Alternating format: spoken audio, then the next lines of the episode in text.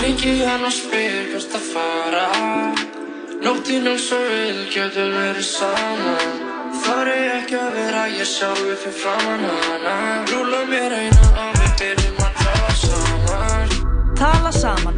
Alla virka daga, milli fjögur og sex.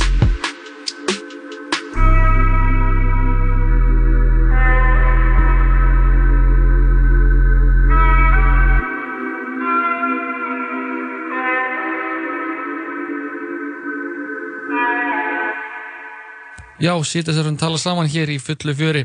Jóhann Kristóf og Lóa Björk með þér, kæru lusandi til kl. 6 í dag. Og það er svo mikið að gerast í dag og maður Svo mikið.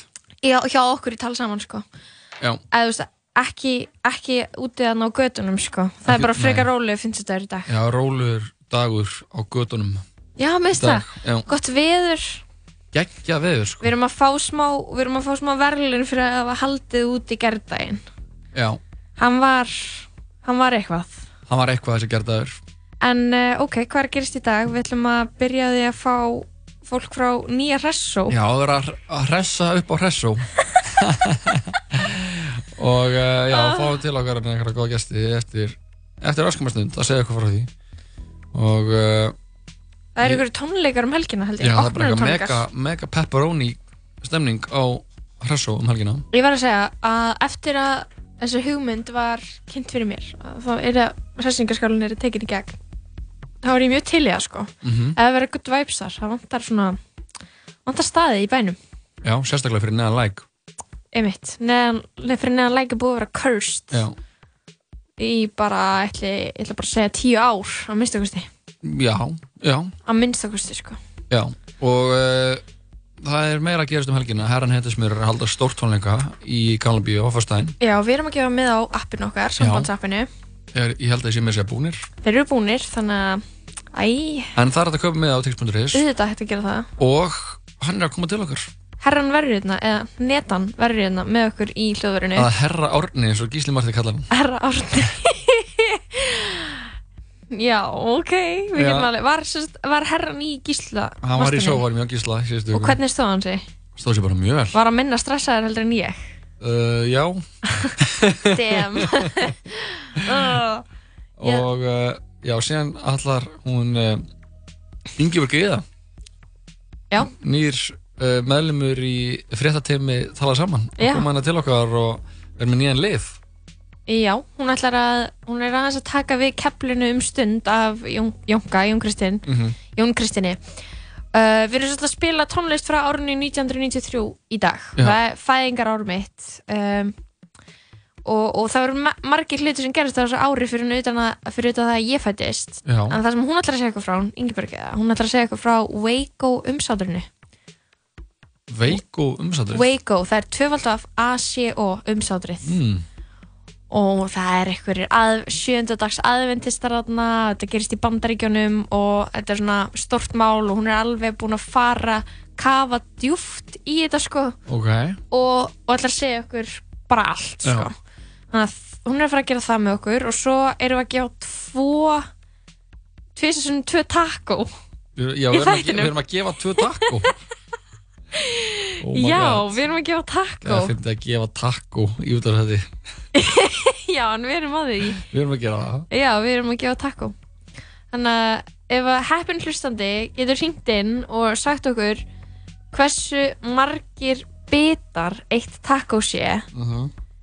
að þá, fá, fá, þá getur hann unnið, þá getur hann fáið gafabrif í já, takkó þá getur hann að fá- þá getur hann að fá þetta gjafabrif Þú getur fáið gafabrif í takkó ef þú, ef þú hringir inn og segir okkur hvað takkó er margir bitar já, Svona er þetta, þetta er aldagamla aðferð til þess að veita fólki verðlun.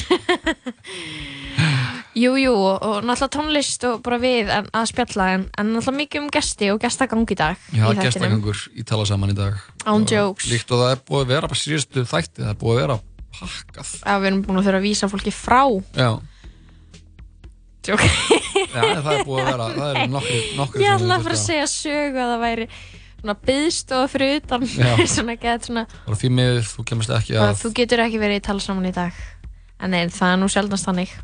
vonandi verður einhvern tíma þannig Eitt daginn þá verður það þannig. einn daginn þá munum við þurfa að sko fleia fólki hérna út Við þurfum að vera með dyravörð Það bara eru, vinur, þú ert að drölla þér hérna út Ég meina án jokes Hvaða lægi erum við að byrja á í dag, Jói? Sko, það er nefnilega ein legendary plata sem kemur út á þessu herrhansári 1993 og uh, það var platan Debut með Björk Debut með Já. Björk Björk er nafna mín, Björk nefnaðinn alveg rétt Hún er uh, söngkona og Hún er tónlistakona söngkona, og jú. listakona og aktivisti Já, hún er það, allt, allt þetta sem þú taldir upp Já, og, uh, og hún er fræg og hún er fræg Hún er frægast Íslendingurinn hún er fræg eins og þú Þetta er báðar Björk Frægari, ég myndi jafnvel segja hún væri frægari heldur en myndi ég kannski ekki ganga svo langt að Ég myndi segja segja hún væri svona aðeins frægari en kannski ég helmingi frægar en þú. Helmingi, eh. já og uh, já, byrja bara á þessu íkoníska lagi Venus as a boy, Æðislegt það ekki Og svo þegar við komum aftur þá var hérna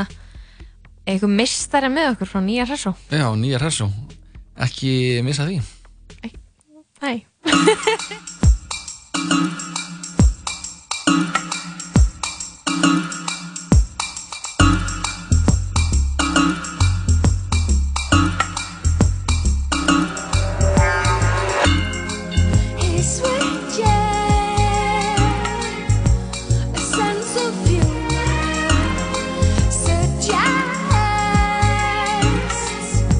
Exciting sounds, his fingers.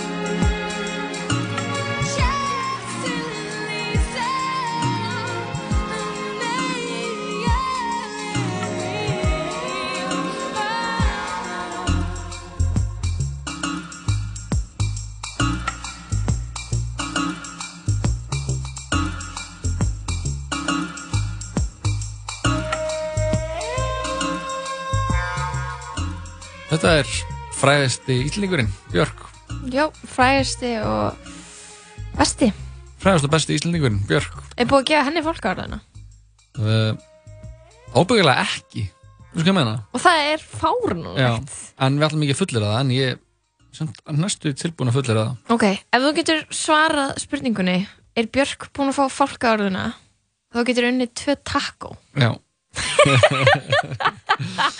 En við erum vona á góðum gestum eftir örskamar stund uh, Við ætlum að halda þessum að hlusta á tónlist frá árinu 1993 sem er Þemaárið besta, okkar. besta ári í heimi, fæðingar ári mitt Já, ég fættist já, og engin veit hvaða dag og þegar ég byrtist bara á fyrir utan hurð fóreldra mína í körfu og það var lítið bref sem fylgdi með já Lítið bref og það á brefinu var stóð, svona jólakortur bónus jólakort, og stóð ekkert á því Nei, það var bara átt eftir að fylla það út þannig fannst ég um, meðanótt mm Mhm. og þrepi fyrir utan hús fóreldra mína Svona var það Þetta er uh, fæðingarsagan The Origin Story og Flóa Björk næst frægast íslendingurinn Mhm. já, já, en uh, við ætlum að færa okkur úr Björk yfir í uh, aðra klassík aðra debutplötu sem kom út úr þessu ári ok, allir að gefa debut Já, frá, uh, og þetta var ekki úr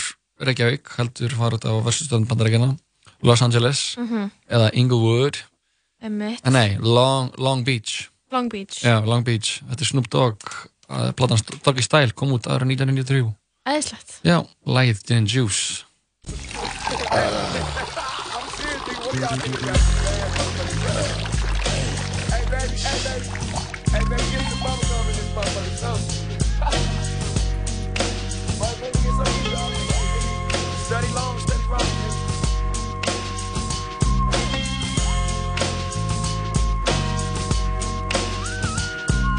With so much drama in the LBC, it's kinda hard being Snoop D O double G. But I somehow, some way, keep coming up with funky ass shit like every single day. May I kick a little something for the G's and make a few ends as I breeze through. Two in the morning and the party still jumping cause my mama ain't home. I got bitches in the living room getting it on and they ain't leaving till six in the morning. So what you wanna do? Shit, I got a pocket full of rubbers and my homeboys do too. So turn off the lights and close the door. But but what? We don't love them hoes. Yeah. So we gon' smoke an ounce to this. G's up, hoes down. Why you motherfuckers bounce to this?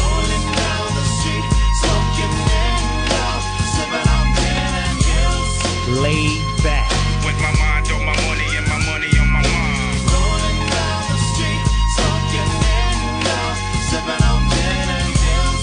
laid back. With my mind on my money and my money on Now my that mind. I got me some Seagram's gin. Everybody got their cups, but they ain't chipped in. Now this type of shit happens all the time.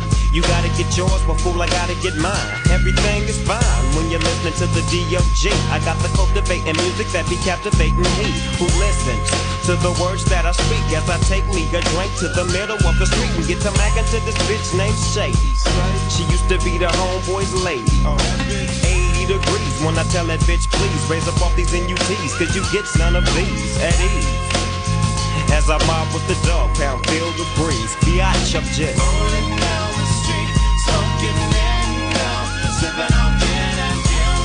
Laid back. With my mind on my money and my money on my mind.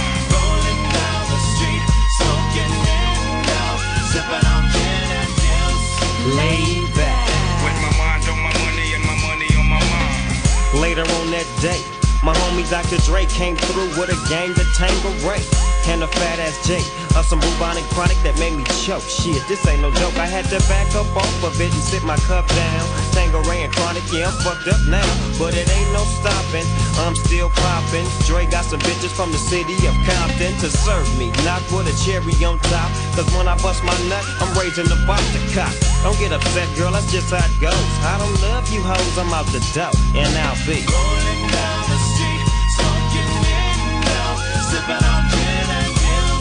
laid back. With my mind on my money and my money on my mind.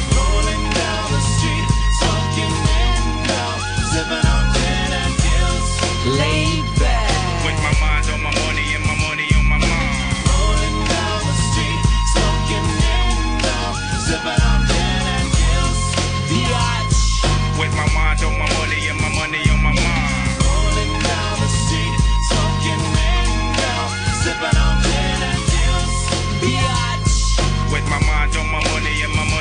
Morgun þáttur músli, alla virka morgna með Lóða Petró og Sýðubjarti í boði Joe and the Juice Þryggjastega körfur, pepperoni, grjótarður varnalegur, piparostur, tæknivillur og jalapeno. Já, Dominos og körfubolti smell passa saman. Við stundum vaktina í allan vetur í Dominos-deildinni. Vertu með Dominos. Á lista yfir 50 bestu myndir ársins að mati Evrósku kvikmyndaakademíunar. Hvítur hvítur dagur. Komin í bíó. Hamburgerabúla Tómasar, sam og seinast. Hamburgerabúla Tómasar. Hvernig væri vóksteiktur kjúklingur og brakandi fersk grammiti í panda appilsinusósu? Kíktu við. Nings. Fylgist með okkur á Twitter og Instagram at 101 Live Radio Já, sítið satturum tala saman hér á útarfundur og einum þegar klukkuna vantar. Sextamyndir eru fjör á þessum fína femtudegi. Jóhann Kristór og Lóa Björk með þetta kl. 6 í dag og til okkur er komin góðu gestur, Óli Dóri, ertu hjartanlega velkomin. Já, takk fyrir mig. Hvernig hefur það í dag? Ég það bara ágætlega, spenntur fyrir morgundin. Já, getur þú sagt okkur hvað er að gerast? Já, það er sem sagt að opna, hérna, eða svona enduropna, Enduropna. enduropna. hressingaskálin. Einmitt. Svona undir aðeins öðru vísi formerkjum. Mhm. Við erum að, já, breytum stefnu og, og, og slíkt, sko. Mhm. Og opnum með svona, já, með tónleikardaskrá þessa helgi, fyrstu dag og lögadag. Gæðið. Hvernig er, stefnu, hvernig er stefnubreitingin? Já, þetta verður bara alveg bara 360 gráðu stefnumbreyting Ok. Eh, bara rýbranding á þessum stað þetta er eh, staði sem er búin að vera já, ég veit ekki, þú veist, ég veit ekki hvernig þetta lýsa það síðustu ári en hann verður allan allt öðru sem núna þetta Já. verður svona Mhm. meira þú veist, í anda svona eh, já, staða sem, þú veist, eru með öflut nætulíf og tónleika Mhm. Þú veist, Svona meiri tónleikastaðar, náttúrulega vantar tónleikastaða. Já, en þetta er ekki bara tónleikastaðar, Nei. þetta er bara, þú veist, bara staður, skilur Já. og svona eins og staðir eins og svo Hurra, Mhm. Factory Mhm. og slíkt Já.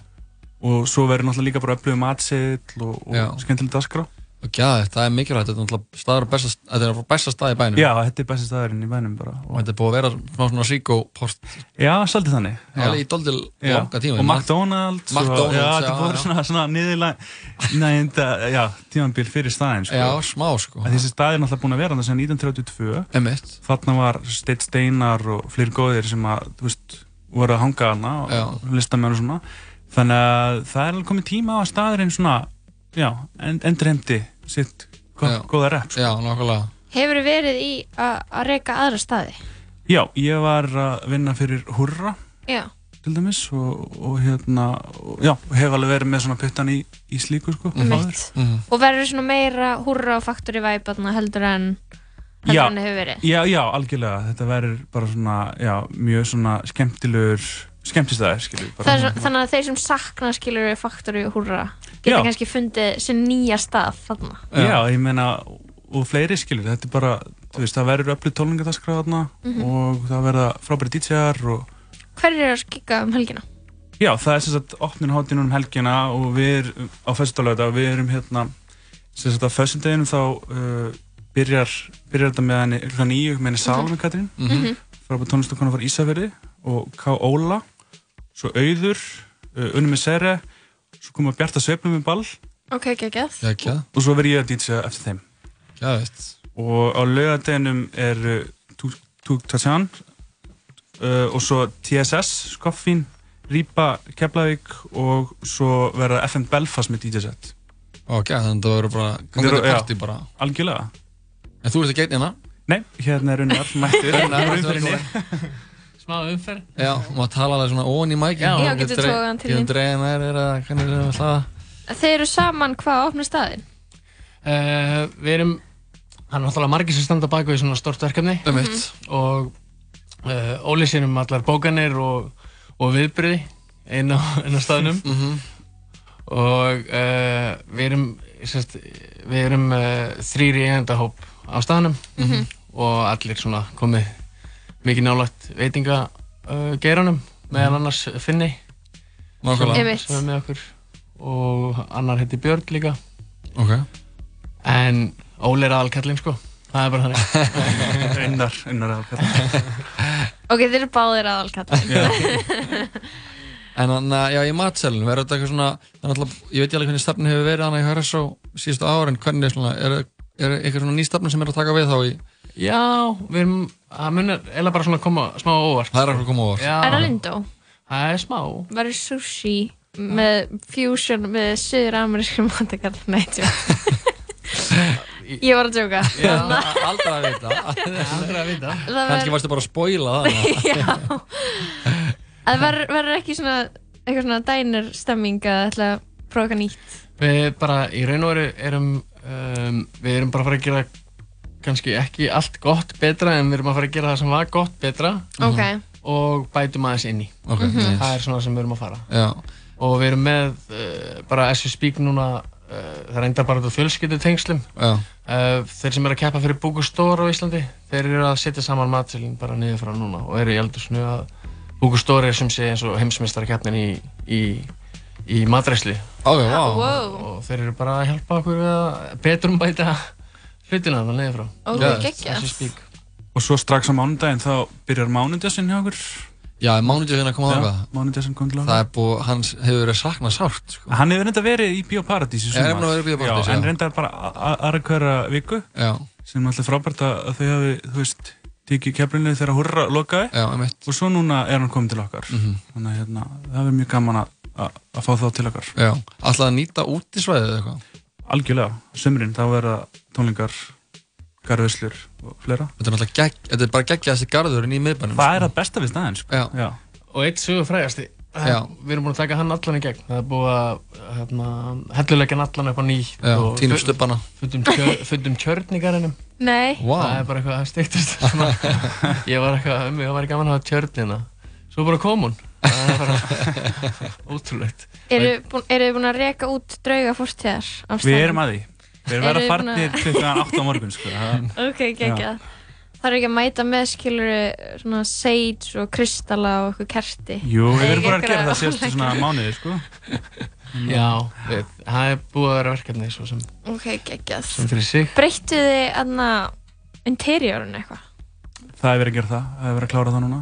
Þetta er alveg bara að gera breyttur Já, staðir þetta er að fara að bara breyta þessu alveg bara frá toppritið þegar Já, ég meina, þetta er samt alveg sami, þetta er, þú veist, stressingarskálinn eins og hann er, Mhm, það er mhm. náttúrulega erfitt að breyta alveg húsnæðinu, Já. alveg frá, já, en, en, en, en talsverða breytingar sem. Já, við erum, við erum uh, í raun og veru uh, svona með fullri viringu fyrir, uh, fyrir eigundum þá er ekki búið að lappa kannski upp á staðin í einhvern x tíma Já, Nei, já, einmitt, já, einmitt. já. og núna er bara virkilega myndi ég held að segja, að segja virkilega kósi að koma hann inn sko, það er Mhm. búið að svona bæta mjög mikið í hann allavega Og það er rosalega flott tónlingarýmið sem við erum með, sko. Já, Já, ég er geðsveintur að segja Já, það. það er mjög, mjög flott. Hvað hljóðkerfi? Já. Og þau verðið á Airwaves eða? Það er eitt að alveg nýjum á erfis. Já, við erum með massa dagskrá sko. Geðveikt. Þannig verður, þetta var svona eins og einhver sagði mig í gamla dag, þá var, var þetta svolítið svona mekka erfefs, Mhm. svona miðsvæðið Mhm. og þarna verða allir artastanir og þetta verður svona Já, þeir, eru- þeir eru alltaf að keira á tvö sviða með skilst, en það getur allt breyst náttúrulega Mhm. Já. á sama tíma og, og þeir eru mjög spenntir fyrir, fyrir uh, nýja hressingaskálunum. Já, Geðist, við líka Já, pepp með þetta. Já, Og Þeir eru bara- Mhm. það mikið með þetta Já, takk Við bara hlökkum til að kíkja í heimsók Við Jöp. lökkum til að fá okkur Og þannig að dýja okkur í törnina Já. Þeir sagði að takk kærlega fyrir komuna og bara góða skemmtir um helgina. Sömuleiðis, takk Heldum áfram að hlusta á tónlist frá árinu 1993 Þegar maður okkar í dag Já, og svo er netan væntaleg, Já. eða herran heitsmjör. Herra Netusmjör, rétt á komin Nigga one, guy. Word up. Look out for the cops, though. Cash fruit. Word up. Two for fives over here, baby. Word up. Two for fives. Them niggas got garbage down the way. Word up. Cash rules everything around me. Cream it. Yeah. Check this old fly shit out. Word up. Cash Take you on the national joint. Cream, get the here money. We, here we Dollar, dollar go. Check bill, this shit. Yeah. I grew up on the crime side, the New York Times side. Staying alive was no job. Had second hands. Moms bounced on old men. So then we moved to Shallon Land. A young youth, you're rocking the go-to. Low goose, only way I begin to G York was drug loot. And let's start it like this, son. Rolling with this one and that one. Pulling out gats for fun. But it was just a dream for the team who was a fiend. Started smoking rules at 16. And running up in gates and doing hits by high stakes. Making my way on five skates. No question, I was speed for cracks and weed.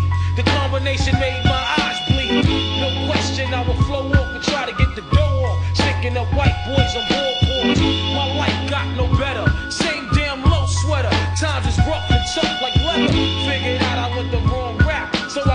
his sick ass click and went all out. Catching keys from cross seas, rolling in MPVs every week. We make 40 G's. Yo, nigga, respect my a nigga to check notch. Bow, move from the gate now. Cash moves everything around me. Green, get the money. Dollar, dollar bill, yo.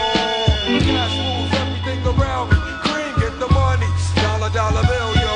It's been 22 long, hard years. I'm still struggling. Survival got me bugging, but I'm alive on arrival. I beat back the shape of the streets to stay awake to the ways of the world, cause shit is deep. A man with a dream with plans to make green was fail. I went to jail at the age of 15, a young buck selling drugs and such, who never had much, trying to get a crutch of what I could not.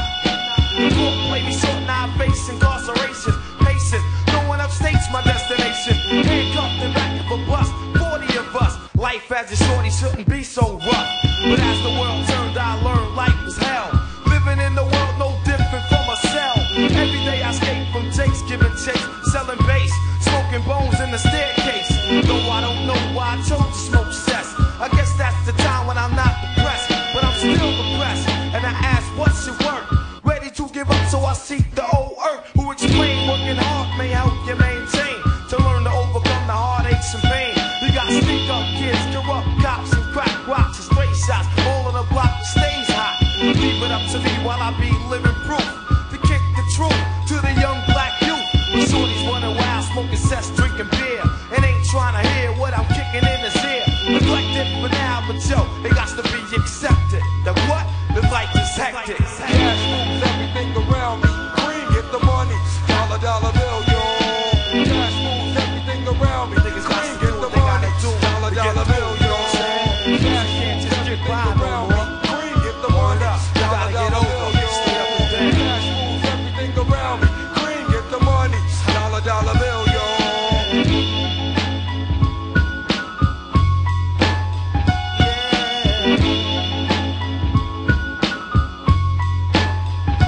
Cash moves everything around me. Green, get the money. Dollar, dollar bill, yo. Cash moves everything around me. Green, get the money. Dollar, dollar bill, yo. Cash moves everything around me. Green, get the money. Dollar, dollar bill, yo. Cash moves everything around me. Green, get the money. Dollar, dollar bill, yo. Yeah. Þetta var sjálfsögðu The Wu-Tang Clan lagið Cream, Cash Rules, Everything Around Me hér í síðdegi þettanum tala saman það klukkan er dætt í hálf 5 og vorum að kveðja þá Unnar og Óla Dóra frá uh, nýja hressingaskjólunum og til okkar er komin nýr gestur og hann er ekki að verri kantinum herran netus verið mættir Jú, jú, hvað segir maður? Ég er góður en þú Ég er fokkin geggjaður En það ekki? Jú Þú ert að halda tónleika Ég er heldur tónleika, Á morgun. heldur betur uh, KB kynir herra hnettismýr í Gamla bíó annað kvöld klukkan uh, 9 til 12 Ok uh, og hérna margir góði gestir og, og hérna DJ Speill og þeirra skífum og, og hérna tix.is maður, þetta verður geggja Alvöru læti Alvöru læti Collab. já. Þetta er, þú er haldið eina svona tónleika aður, eða ekki? Jú. Þá var það samt ekki svona solo, solo Nei, sko, við heldum alltaf hérna uh, stórtónleika KB 2017 það var það svona ég og Birnir svona saman í rauninni og svo komu strákarnir inn í um, en uh, þetta þetta er svona eiginlega nýtt sko, ég líka er eiginlega bara ég er að halda þessa bara eiginlega sjálfur sko eða svona ég, þú veist, já, ég er að gera allt sjálfur Mhm. já, já. Uh, Red Bull kom inn í þetta það er ógeðslega gaman að vinna með þeim Mhm. þannig að þetta er í rauninni KB kynir í samstæðu við Red Bull, herran Hitsmur í Galafjó já. og uh, já, þú veist, ég hef aldrei verið svona lengi på sviði, þetta er alveg, þú veist, einn og hálf tími Nákvæmlega. en þú veist, það er reyndað svona hérna, bæjarins best að hoppa inn í svona hér og það sko Já, við má gera að að, hérna, ég er svona svolítið þetta er svona svolítið eins og þorstamyndin að steinda ég er svona að, þú veist, nýta bara alla greiða sem ég á inni hjá öllum til að gera þetta okay, ég held að mér kom bara að gegja vel út sko já. Má ég spyrja, Anna, akkur er gamla bjó? Hva, hvað er málum með þannig bara, bjó? þú veist, geggja venjum maður það er bara, Mhm. mm. hérna eldgamall náttúrulega bara gett bara sögulegt hús Mhm. og það er bara svo ógeðslega gaman að bæði spila þarna og tjama þarna Þú veist, það Já, er já, já. ógeðslega gaman, þetta er svo stórt dansgólf Mhm. þannig að, að, hérna, og náttúrulega reisastort svið og það er að gera ógeðslega mikið þarna, þú veist, það er flott hérna, flott sound að inni en við erum náttúrulega koma inn, Luxor er líka að koma inn Mhm. og það er alveg, þeir eru bara að prjóna yfir sig sko, þetta Ah. verður alveg rugglað sko. Hvað er það þannig að verður dansskól? Verður, þetta er ekki sitjandi tónleikar. Ég bara sé Já. yeah. Nei Eh, Nei, þetta er ekki sýttin Nei, ok Nei, nei, nei, nei, nei, nei, nei, nei.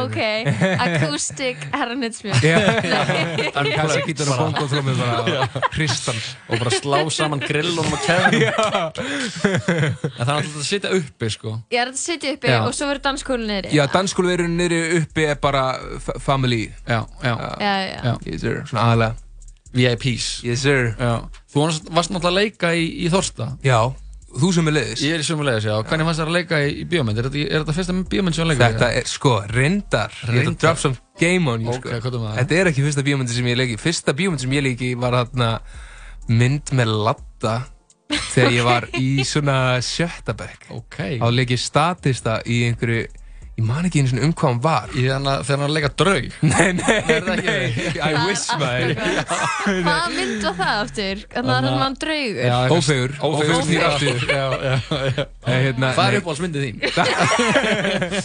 Ég man ekki hvað þessi mynd hétt sem ég leik í Það var, þú veist, hann var að leika einhvern kennara Já. sem að, hérna, byrju, ég verði eiginlega Þú voru að fletta þessu Já, allan, en þorstið, það var ógeðslega gaman að vinna, hérna, vinna að því og svona fyrsta það sem að ég er eitthvað að þú veist, ég var ekkert að tala í hin- hinni myndinni ég reyndi að tala þinn á teiknumynd þegar ég var í tíundabæk okay, það er önnur saga, ég er hérna Þú alveg, vilt ekkert leggja þetta fyrir þig Kvikmyndir ég, sko, ég væri til í að taka voiceover Já. það er svona þægilegt, það er líka bara maður er í komfortzónu, það er maður bara í stúdíónu Emmett að döbba svona Já, bara döbba, Mhm. mm -hmm. annarkur teiknumyndir eða, eða auglýsingar, pappi var mikið að, að tala um auglýsingar back in the day, hann var hérna röttinni á herragarðinum, sem er skemmtilegt Ó, Hvern- hvernig er það? Hvernig er svo auglýsing? Það var hérna, herragarðurinn, klæðir þig vel Oh my Já. god Hún er ennþá að kesslu, það ekki? Já, það er einhver annarkur núna, það er einhver einhver, einhver, Einhver hérna, skrækari einhver bjellið, eða- já Við þurfum að koma honum burt sko. Þú þarf að taka við sko. Ég, kallum ég, ég, reynd- ég reyndi að segja, herragarðurinn, hala emmi, við þurfum að gera þetta kynslu á dæmi sko. Án grín, sko Þú náttúrulega ert, varst í hana, sófann með Gíslamartin í síðustu viku Já.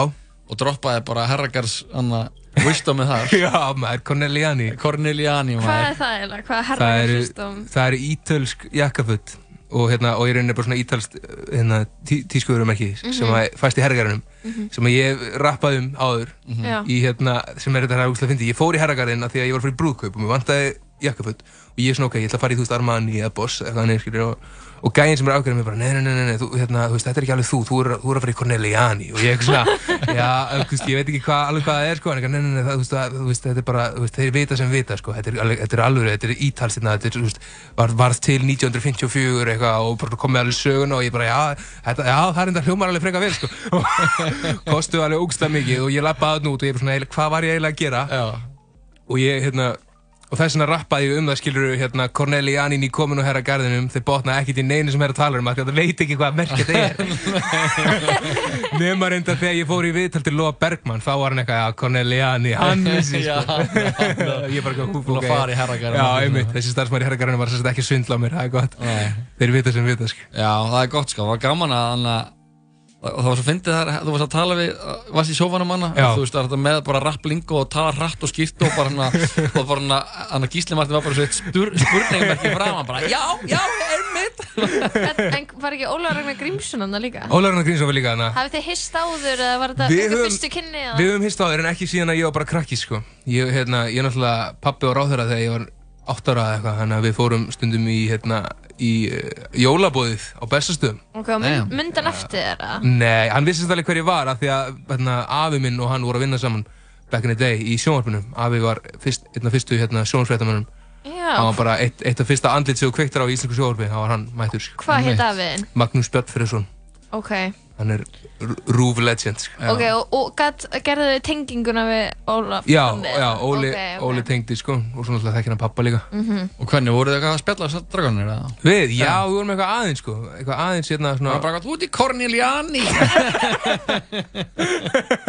Þetta er úr herragarðinum Þetta er úr herragarðinum Er, er það líka Já. Ólafur Ragnar? eða- Já, já, alveg Hann ekki. er ekkert svona Jú, eitthvað svona, er það ekki? Nei Hvernig, hvernig myndi, hvernig myndi Hilmi Ég get Snæ ekki- segja Corneliani? Corneliani Það er ekki, ekki þannig Þetta er Corneliani Herru, við skulum fá eitt lag, höldum áfram að spjalla herra netur sem er eftir öskamar stund yeah, yeah, yeah. Er það ekki Keira sem það droppar Corneli línu? Jú. Skulum tjekka á því, Keira, herra netur sem er Keiri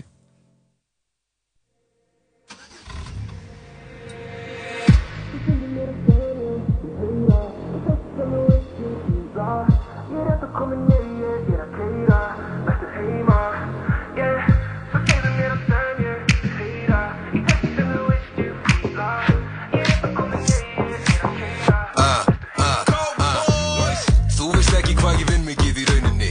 flexan úr bauninni Flexan og rappa kóp fyrir dót, þú ert á dóp fyrir dót, enda atvinnuleg saumingi Þú ert gúmi tassa, komið mitt í gúmi treyju Út á eigi borða ananas í fínu sneiðum Sjúkur leikur kendi sjálfur mér á, ég er bá Starfsmæðu mánadarins ár eftir ár Kastu verkjum þekktu sér með púlað upp í þessu Velta gerir það að verkum beikur hrefni bestu Lífið er sjóður og tvö fók ég nega leifi Veit að ég er engin þög eins hann gengi gengi Segja herra sig ekki nógu mikill listamær Finnum mig í fyrsta sæti á einhverjum listamær Þeir aldeilis flottir á villi göttum Þeir gætu ekki borga tollir á mínum fötum ha. Sinnum mér, sinnum sínu þeim Hörgu helgin ég tók miðlu heim Ég er down ef að þú ert game Svo segjuðu mér Sinna mér, sinna sínu þeim Hörkuð helgin, ég tók miðlu heim Ég er down ef að þú ert game Svo segðu mér Svo segðu mér að sem ég Þeir heyra Í þessu sem þú veist ég fýbla Ég er eftir að komin, ég, ég er að keira Ertu heima, yeah Svo segðu mér að sem ég Þeir heyra Í þessu sem þú veist ég fýbla Ég er eftir að komin, ég, ég er að keira Ertu heima, yeah Cornelianin í komin úr herragarðinu Þeir botna ekki í neyðu sem herra talar um 11 sjó og ég hata en þó 12 Ég er með 13 díl og hold og 14 karat í kjaftinu Takir eftir ég er á toppum þeir eru svolítið búnir Talum tölu borga brúsa nýri borga túni Penningu fór út en hann kom aftur inn Sjátt á þá endur skoðanda minn Vega bref, opna vega bref, allir sem ég með Rappa gang, elskar reyðu fjö, hækka mig um verð Og ég verð að fá allt sem ég sé, sem ég fyrir snert Bóka ferð, bóka aðra ferð, eru samt í land ah!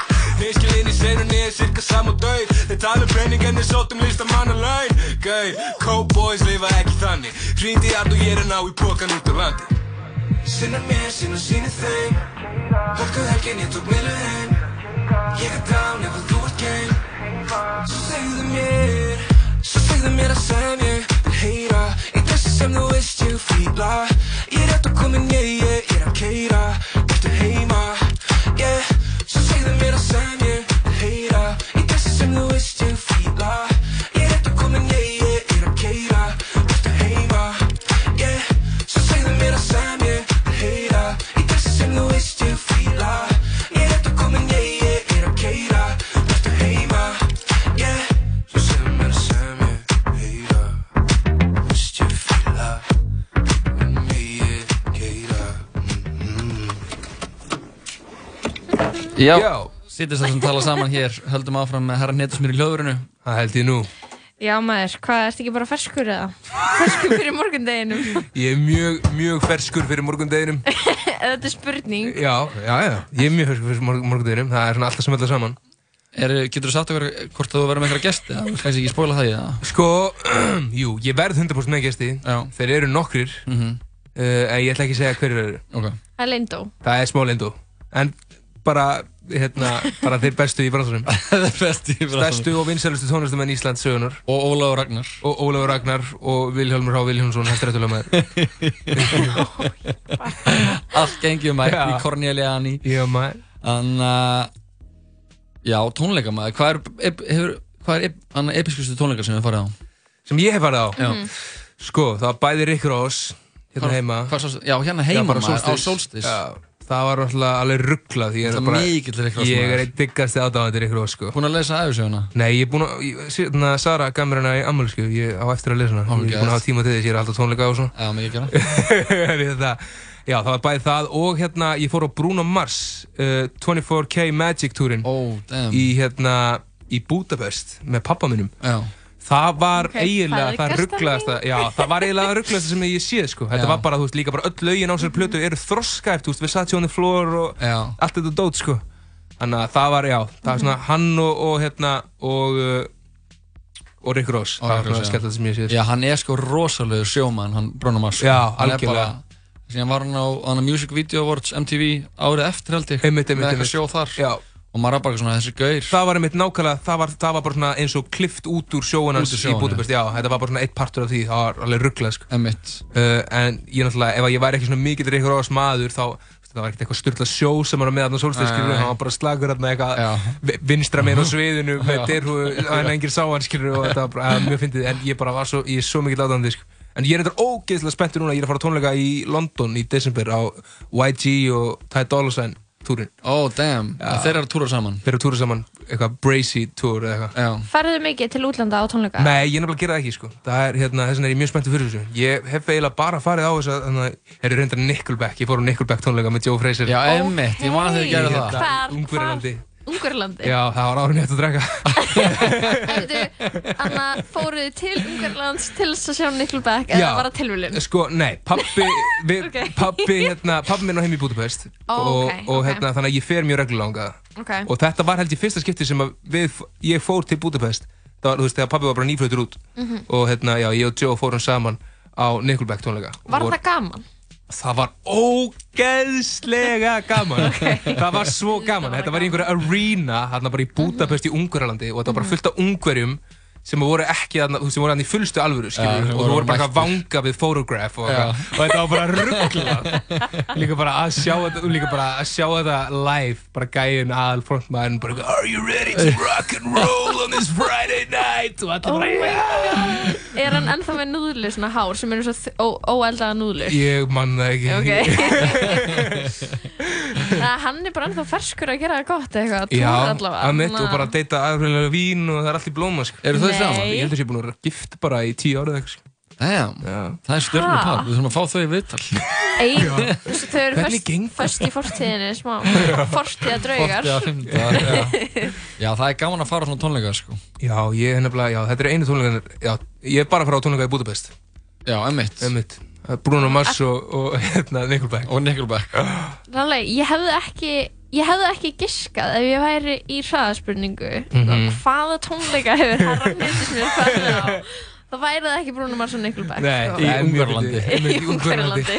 Þetta er mjög fyndi kombo sko En eh, sko já, Ty Dolla Sign er bara uppáhaldstónlistamæður minn of all time Mhm. Búin að vera núna í, nok- bara síðan í ykkur dagann Þannig að ég er ógeðslega spenntið fyrir að sjá hann í London Mhm. Ég er með pælingu, þannig að, ok, nú ertu að fara að vera í gamla bíó, ætlar að hafa ljósa sjó eða þú veist, hvað ætlar að Já, gera? það verður rosalega mikið lósis og hann vignir hjá Luxor er alveg að fá að missa sig hann sko Mhm. Það er bara að senda alla geislana út um allt. Já, þetta verður Ok. eitthvað bull sko, þetta verður algjört Ok. okay. og ég, hérna, Finnst þið það mikilvægt svona fyrir tónleikana en að hafa eitthvað visual já, þetta verður að vera, þetta má ekki bara vera eitthvað cash grab sko Ok. Nei, þetta er Og sjó, það- þetta er fyrir Já, fólkið. einmitt, þetta Mhm. er for the people sko, Já, heitir nákvæmlega, á körunni já, sko. það var að gera það, Án nákvæmlega. grín sko og geggjað og það er, er hann þá að fá miða Í, eða? Það er ennþá einhverju meðar eftir á tix.is Ah. Já. uh, Það mun hins vegar seljast upp, það er bara, það, bara er, lofur, fakt. það er lofur já, mitt Hérna, Það er mitt Það mun sem veistu já, þannig að Við vorum með eitthvað með á sambandsappinu Einmitt Ég held að þeir hafi farið Þeir strax fuku út, sko. Já, algjörlega Þannig að hérna Þið eru bara að kaupa ykkur með Já. það Kæra, kæra hlustendur Kæra hlustendur, þið voru að kaupa ykkur með það Yes, sir. En hvað er annað á dögunni? Þú ert náttúrulega að fara að opna skemmtist það En Ég er á- ég er ofna skemmtist það Ég er ofna skemmtist það á hérna, Östusturðu 3 Emmett Fyrir neðan like Já Hvað á hann að heita? 2 og 3 baby og, og Mhm. er hann skilur Og hvernig opnar hann?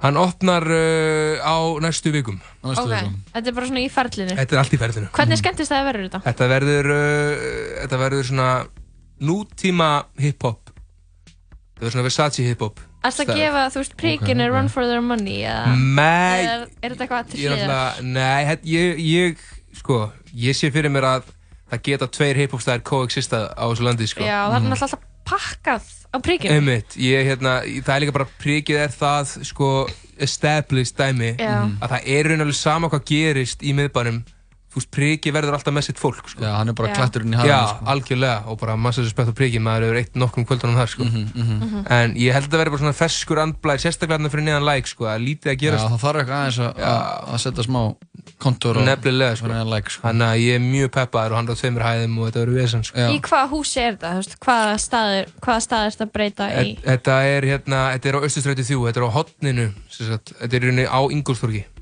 Þannig fyrir ofan kebabhúsið, eða ekki?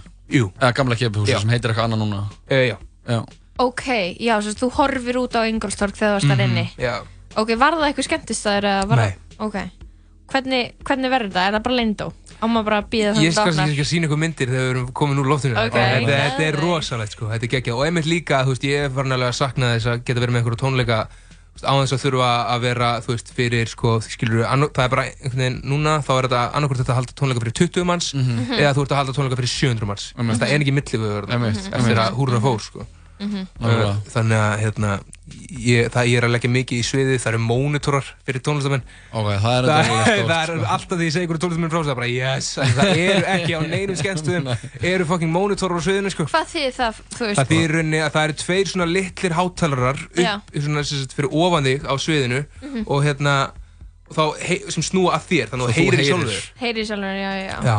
En er tónlistamenn ekki bara með svona í eiranu?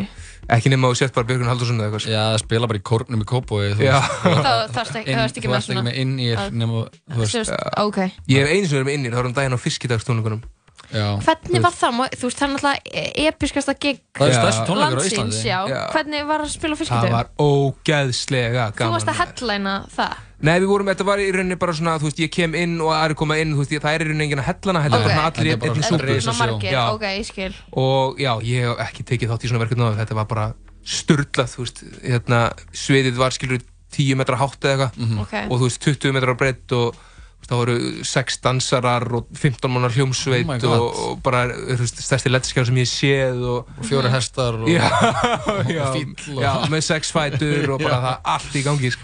Þetta var rugglað, þetta Já. var ógstlega gaman og ekkert playback, ekki neitt playback, sko. Nei. Ok, Já, geðveikt þetta var Það er bara- klikkað að Já, mitt stærstu tónleikar í Íslandi séu haldnir þarna Já, Mhm. Dalvík, já. Bara- Og eiginlega á, sko, þetta var ekki bara svip, á svipum tíma og, og eitthvað annar hátíður í gangi. Uh, jú, þetta var, þetta var, söm, þetta var sama dag og Ed Sheeran. Já, þetta var sama dag og Ed Sheeran. Í Já. alvörunni, Já. vá Samt að bara eitthvað, Samt það er bara pakka. 30 manns á Dalvík. Já.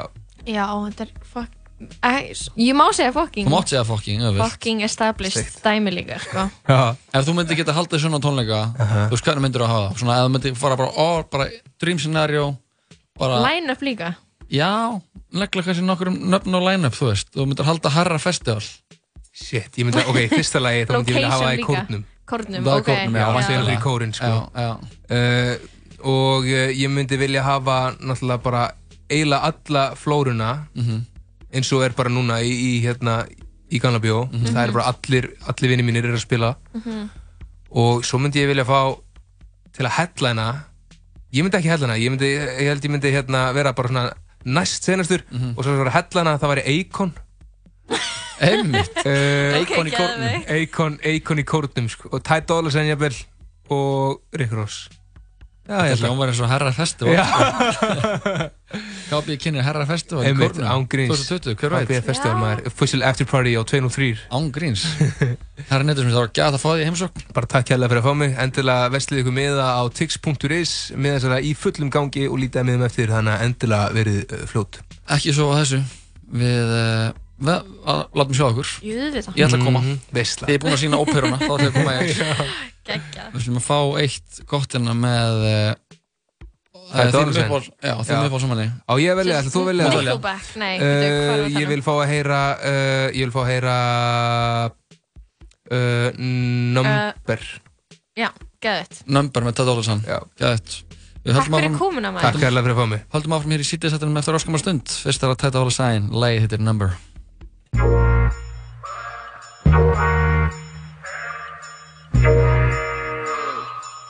Hello. Who is this? Hear me. Wait, you actually remembered my number? Baby, I'm wasted. How could I get your number right? How could I get your number right? Right, I just wanna taste it. Let me sip inside. You know I'm finna feel five all night. You know I'ma need you to just sing to my mic right now. Turn your drip into my drink. Turn these bright lights down. I don't wanna sound like I'm evil, but I'm coming for that weed too. Thought I was done at the brown one, but you know I'ma need to. I'm like, girl, stop playing. Why not gassing up this plane? Learning fuck you in that rain. I got big bills in my bank. I'm like, girl, stop playing. I might fuck on you all day. Eat that pussy with a grip. Let you lick it up my face. Baby, I'm wasted. How could I get your number right? How could I get your number right?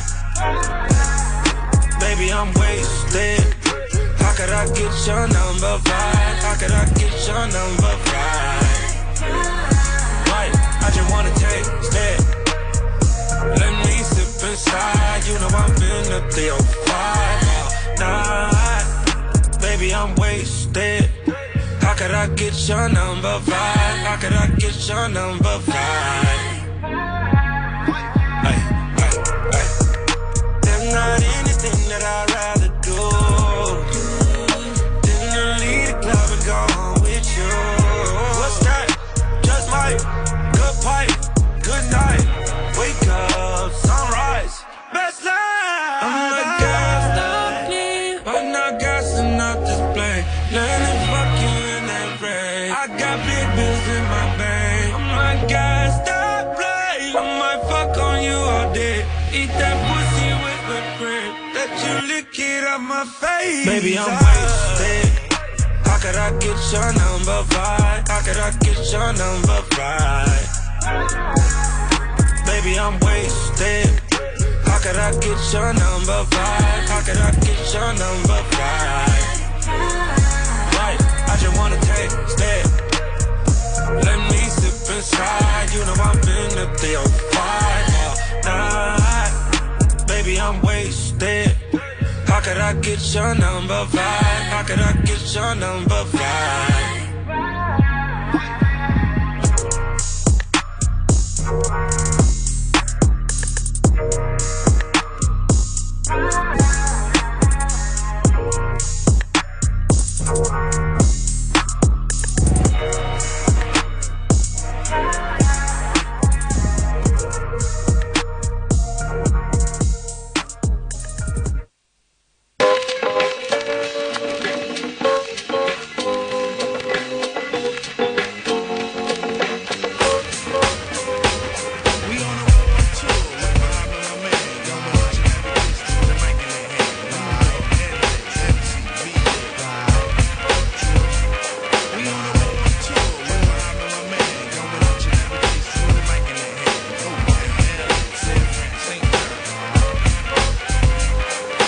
People give you ear, so I be sublime. It's enjoyable to know you in the concubines. Niggas, take off your coats. Ladies, act like gems. Sit down, Indian styles, you recite these hymns. See, lyrically, I'm Mario Andretti on the Momo.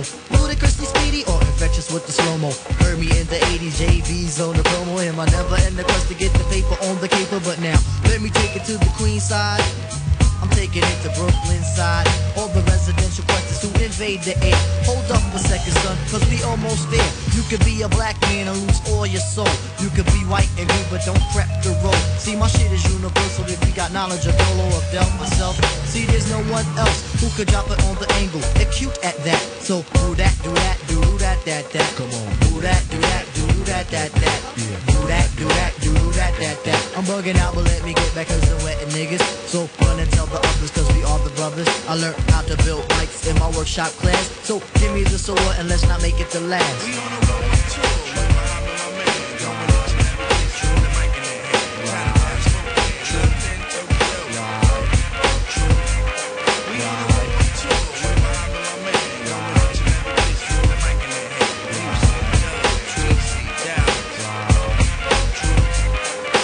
Back in 89, I simply slid in the place.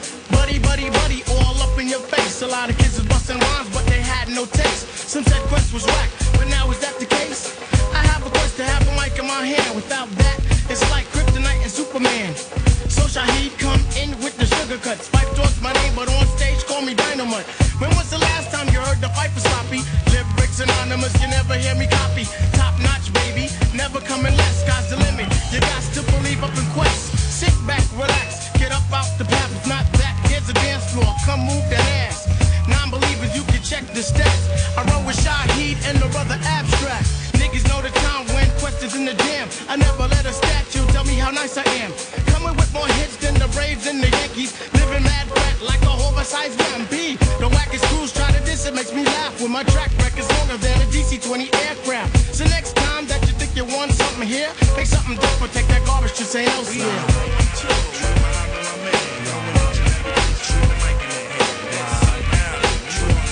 Motown.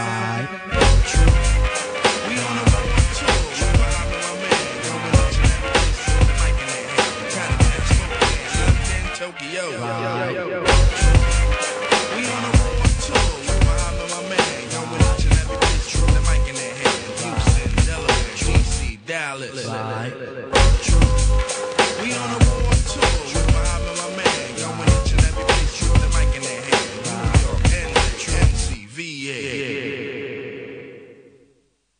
Seven times out of ten, we listened to our music at night.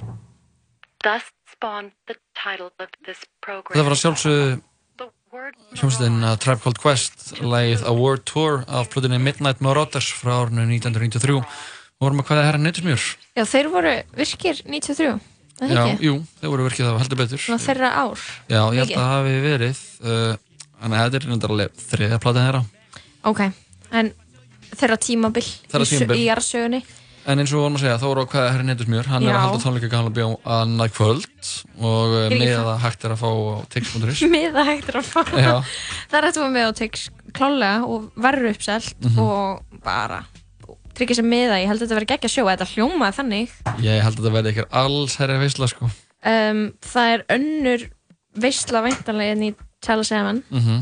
Við erum komið með hana Ingeborgu Yðu nýjasta meðlum tala saman, hvað segirðu gott? Svo gott, sko. Er það ekki? Ert, ertu búin að saga yfir þig?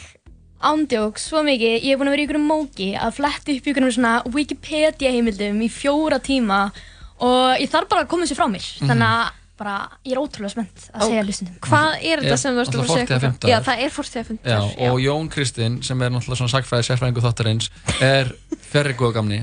Já, það þarf einhver að fylla í skarðið, sko Já, það er Og alveg rétt. ég, ég er ekkert sérstaklega vel að mér í barnakrossferðum eða neitt þannig, ég er svona meira körrant Já. Ok, roasted Nei, nei, nei, ekki það að það sé ekki frábært og gilt og það allt En ég svona tók innspó frá því að þið voruð að spila tónlist frá 1993 Mhm. Og ætlaði að fjalla um svolítið áhugavert sem að gerðist það herrans ár Spooky tónlist, Dú-dú-dú. Ok, mjá. ok, hvað, segðu okkur. Ok, þetta er sem sagt David Koresh og Waco umsátrið Hafið þið heyrt um þetta? Nei Vakuumsöndrið, það var í ljósöðunar. Já, einmitt. Jú, ég fyrst. Sumir kannski þekkja þetta þaðan Já, já. og ég þarf að veða upp á mjög mikinn pening Mhm. Já. að vera eitlu að gefa þessu betri skil en ég er að fara að gera einmitt núna þannig að ef að þetta er eitthvað óljós þá bend ég endilega á góðvinkunu þáttur eins Já. verið eitlu að Já, já, já. ítarefni þar ítarefni, Ítarefni, já. fyrir áhuga sama En, já, á ég ekki bara að koma með smá forsög og svo dembum við okkur í Waco um umsátrið sjálft. Endilega. Þann 17. ágúst 1959 í Houston í Texas eignuðust þau Bobby Sue Clark sem var 14 ára og Bobby Wayne Howell sem var tvítur, Vernon Howell sem var síðar þekktur sem David Koresh. Uh, Bobby, pappinn, hafði hins vegar kynst annari úlingstelpu á meðan að Bonnie gekk með son þeirra og yfirgaf Bonnie áður en að David fættist. David kynntist í aldrei föðu sínum en móður hans byrjaði svo í sambúð með ofbeldisfullum alkohólista svo að barnæska Davids var ekkert sérstaklega auðveld og til að bæta gráan og svart glýmdi hann um mikla námsöruleika í skóla vegna slemrar lesblindu því að hló alltaf ég er ekki einu sinni Bara komin á átakanlegt. Gustav.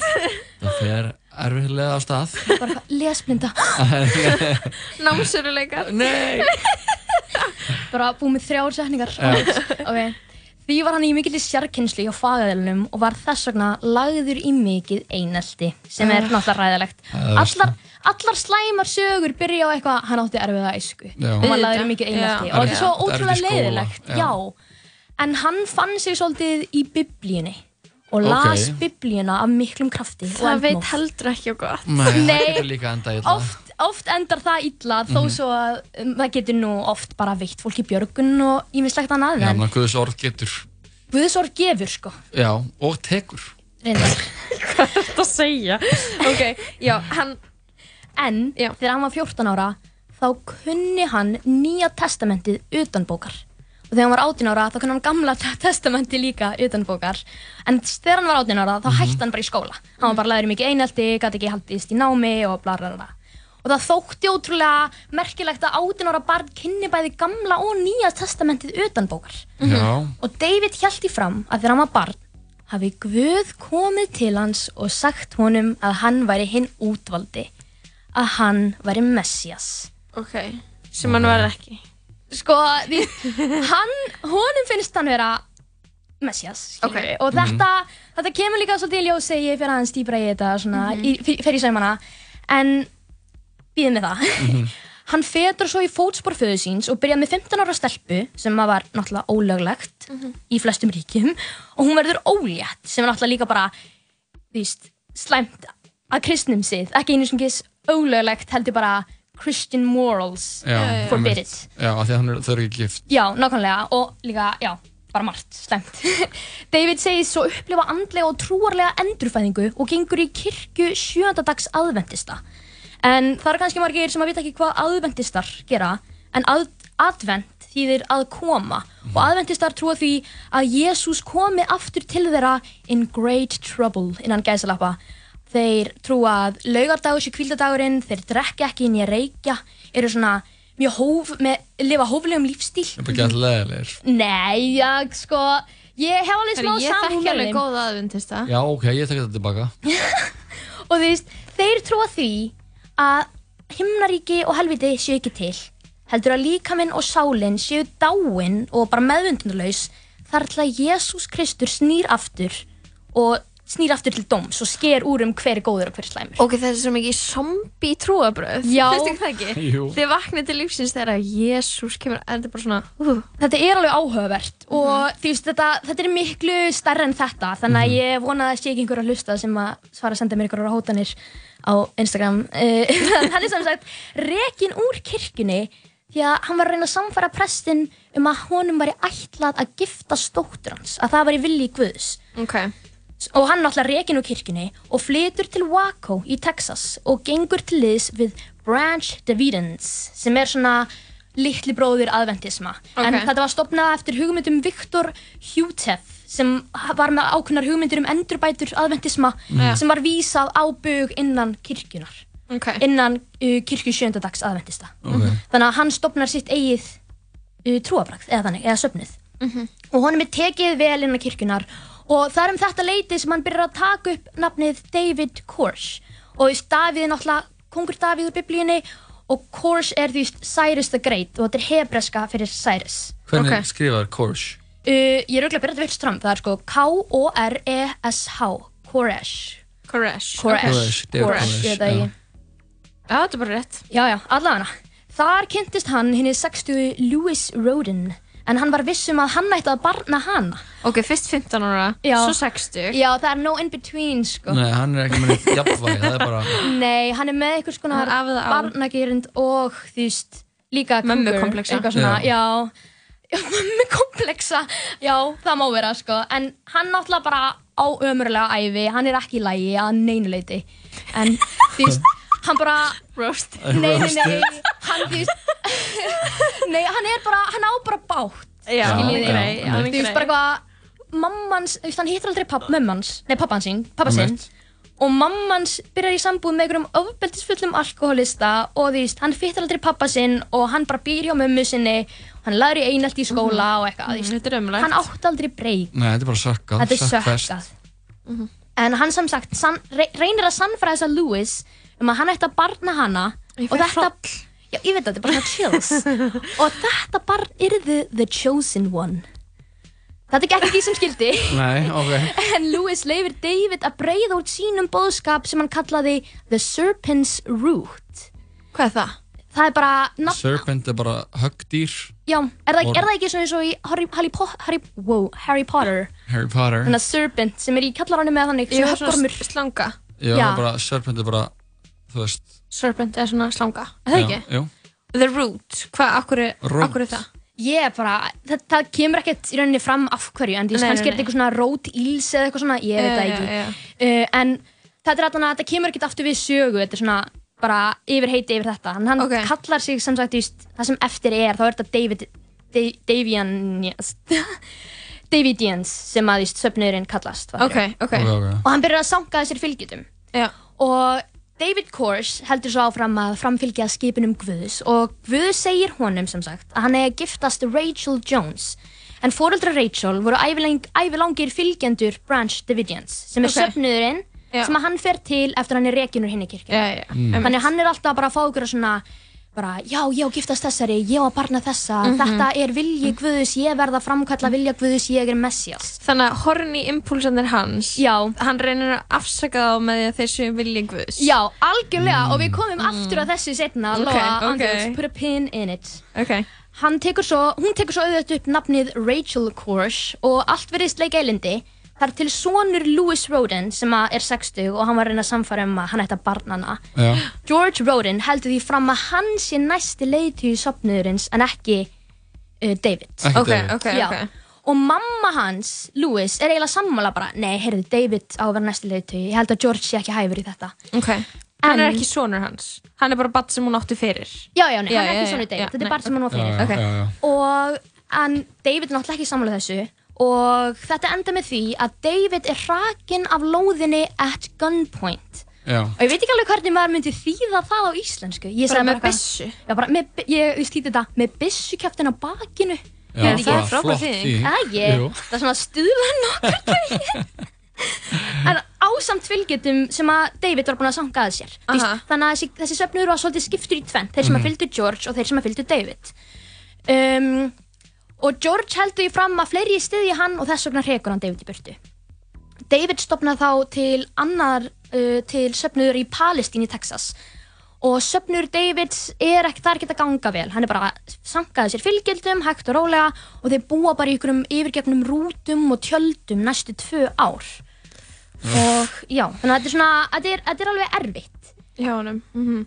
mm um, já en hann trúði því svo að Mount Carmel Center sem að er aðstæðan þar sem að uh, fyrir söfnurinn, þannig að Branch Davidians Já. starfaði, sé hinn eina sanna aðstæða fyrir hann til að starfa Já. þar á hann að vera, þar á hann að dreifa bóðskap sínum Mm-hmm. -hmm. svo að hann er alltaf að reyna að komast þangað Þetta, það sem að gerist næst í mjög stuttum máli er að George Roden byrjar að tapa miklu fylgi Mm-hmm. og til að reyna að ná meira fylgi skorar hann David á holm í að reyna að vekja fólk upp frá dauðum og hann What? grefur upp lík George grefur upp lík og er bara Nei. við fyrir mig keppni, hver getur vakið þessa mannesku upp frá dauðum og það var bara einhver vesalingskona sem hafi verið grafin í kirkjugarði aðventista Oh my god Ég veit það og þarna sér David tækifæri og hann er bara, heyrðu, núna get ég náð aftur þessum stað, Mount Caramel Center þar sem að hann trúur að hann, á- hann eigi að starfa frá Já.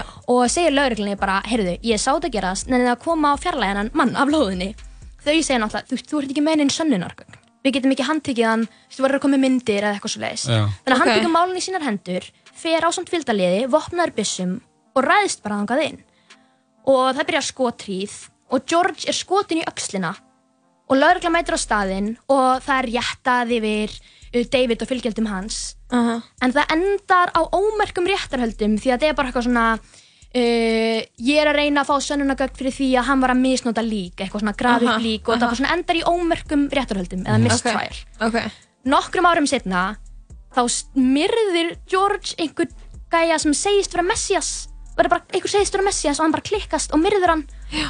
og er fundin ósakhæfur og vistar á geðspítala Mhm. og þar sér David Koresh það er gullna tækifærið en hann skuldaði svo mikinn skatt af jörðinni að hann borgaði upp skattin og fekk því að hafa auðvitað eiga jörðina fekk umráði yfir jörðinni -hmm.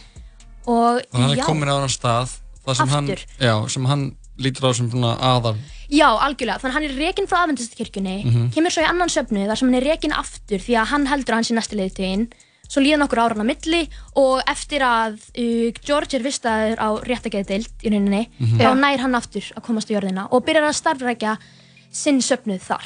ok, sem heitir hann það að sama Já, The Davidians. Emitt Ok, þannig að núna erum við komin að Waco umsátrinu, þannig að Hlustum á lag kannski Og- að taka eitt lag.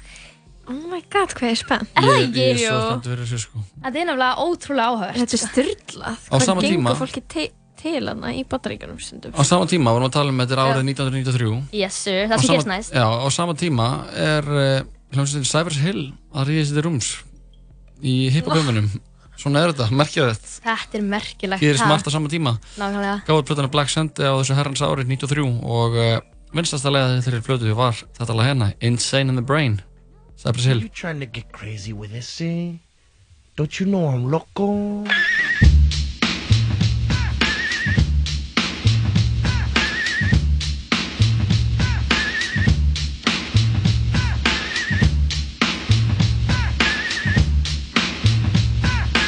You're the one on the flam, boy, your temper just toss that ham and Oh,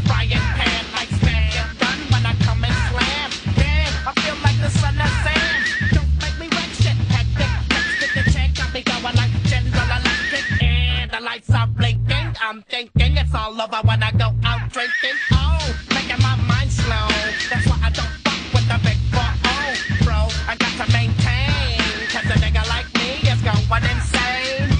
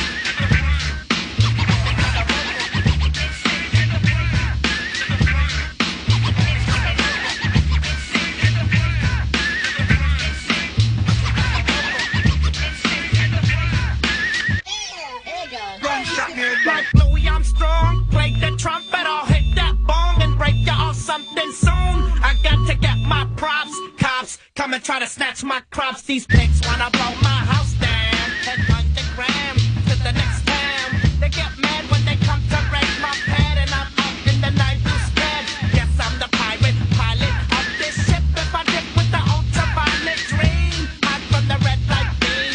Now do you believe in the unseen? Look, but don't make your eyes strain. A nigga like me is going insane. Insane in the membrane.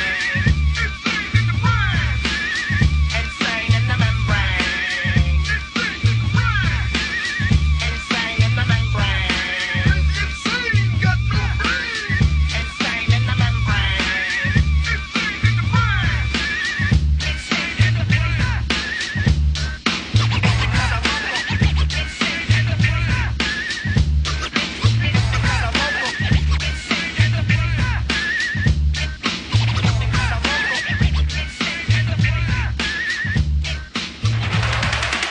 Tala saman.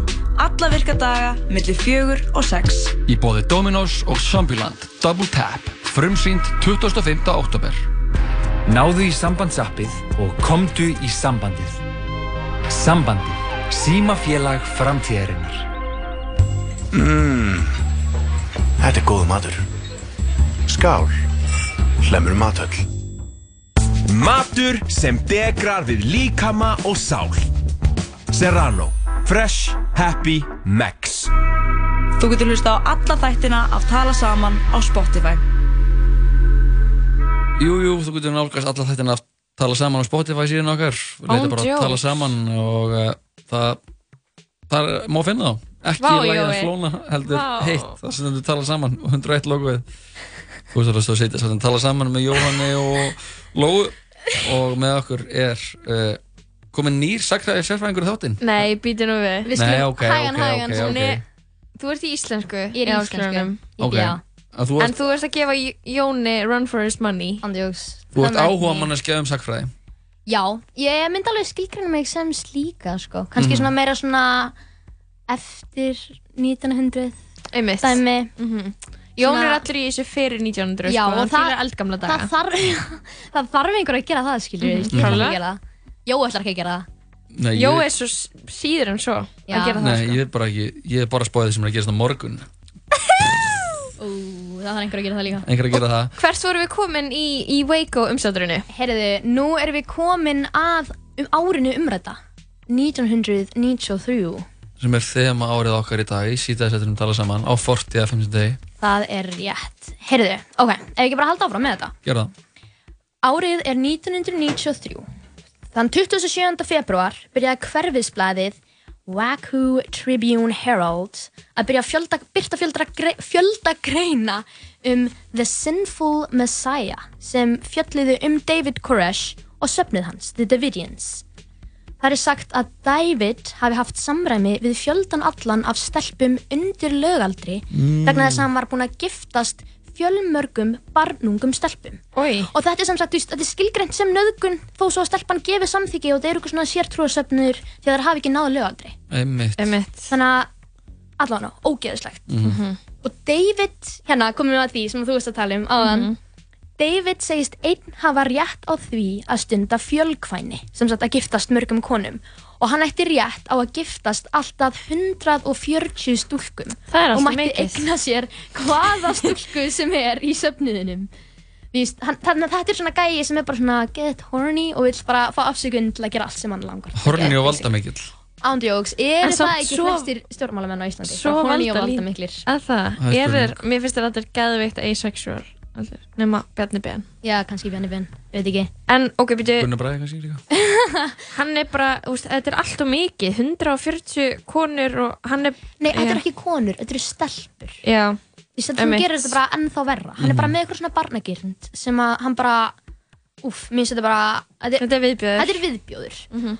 Og já, jafnframt er haldið því fram að hann hafi barnað að minnstakosti 12 stúlkur sem voru suma hverjar 12 og 13 ára Þannig að þetta er bara nöðgun Mm. Svo þetta eru bara einhverja stúlkur sem að eru börn aðventista sem eru í þessum söfniði sem að hann er búinn að segja bara ég ætla að giftast þér, ég ætla að giftast þér Guð er að segja mér að ég þurfi að giftast þér og við þurfum að eignast þetta barn saman Mhm. og þeir eru bara kornungar stelpur þú veist, hvað Hann var er bara ég psycho hann er bara sækó, þú veist, Já. hvað var ég að gera þegar ég var 12 ára andjóks, ekki neitt merkilegt ég vissi ekki einu sinni ég var að leika með um Playmo já, ég held að ég Svo hef verið á svolítið seint, svipum skilurðu. Mhm. stað sko. Það er alltaf sent hann er alltaf lóa Já, Sko. ég reyndar fálega góð mútur En carry on carry on um, auk þess var því haldið fram að hann verið búin að sankaði sér mikið af vopnum og búin að útbúa heljarinnar vopnabúr Mhm. sem sagt, bara með sitt eigið armory Það er með kvennabúr og vopnabúr reyndarjætt, hann er mörgum kostum gettur Já, um, ATF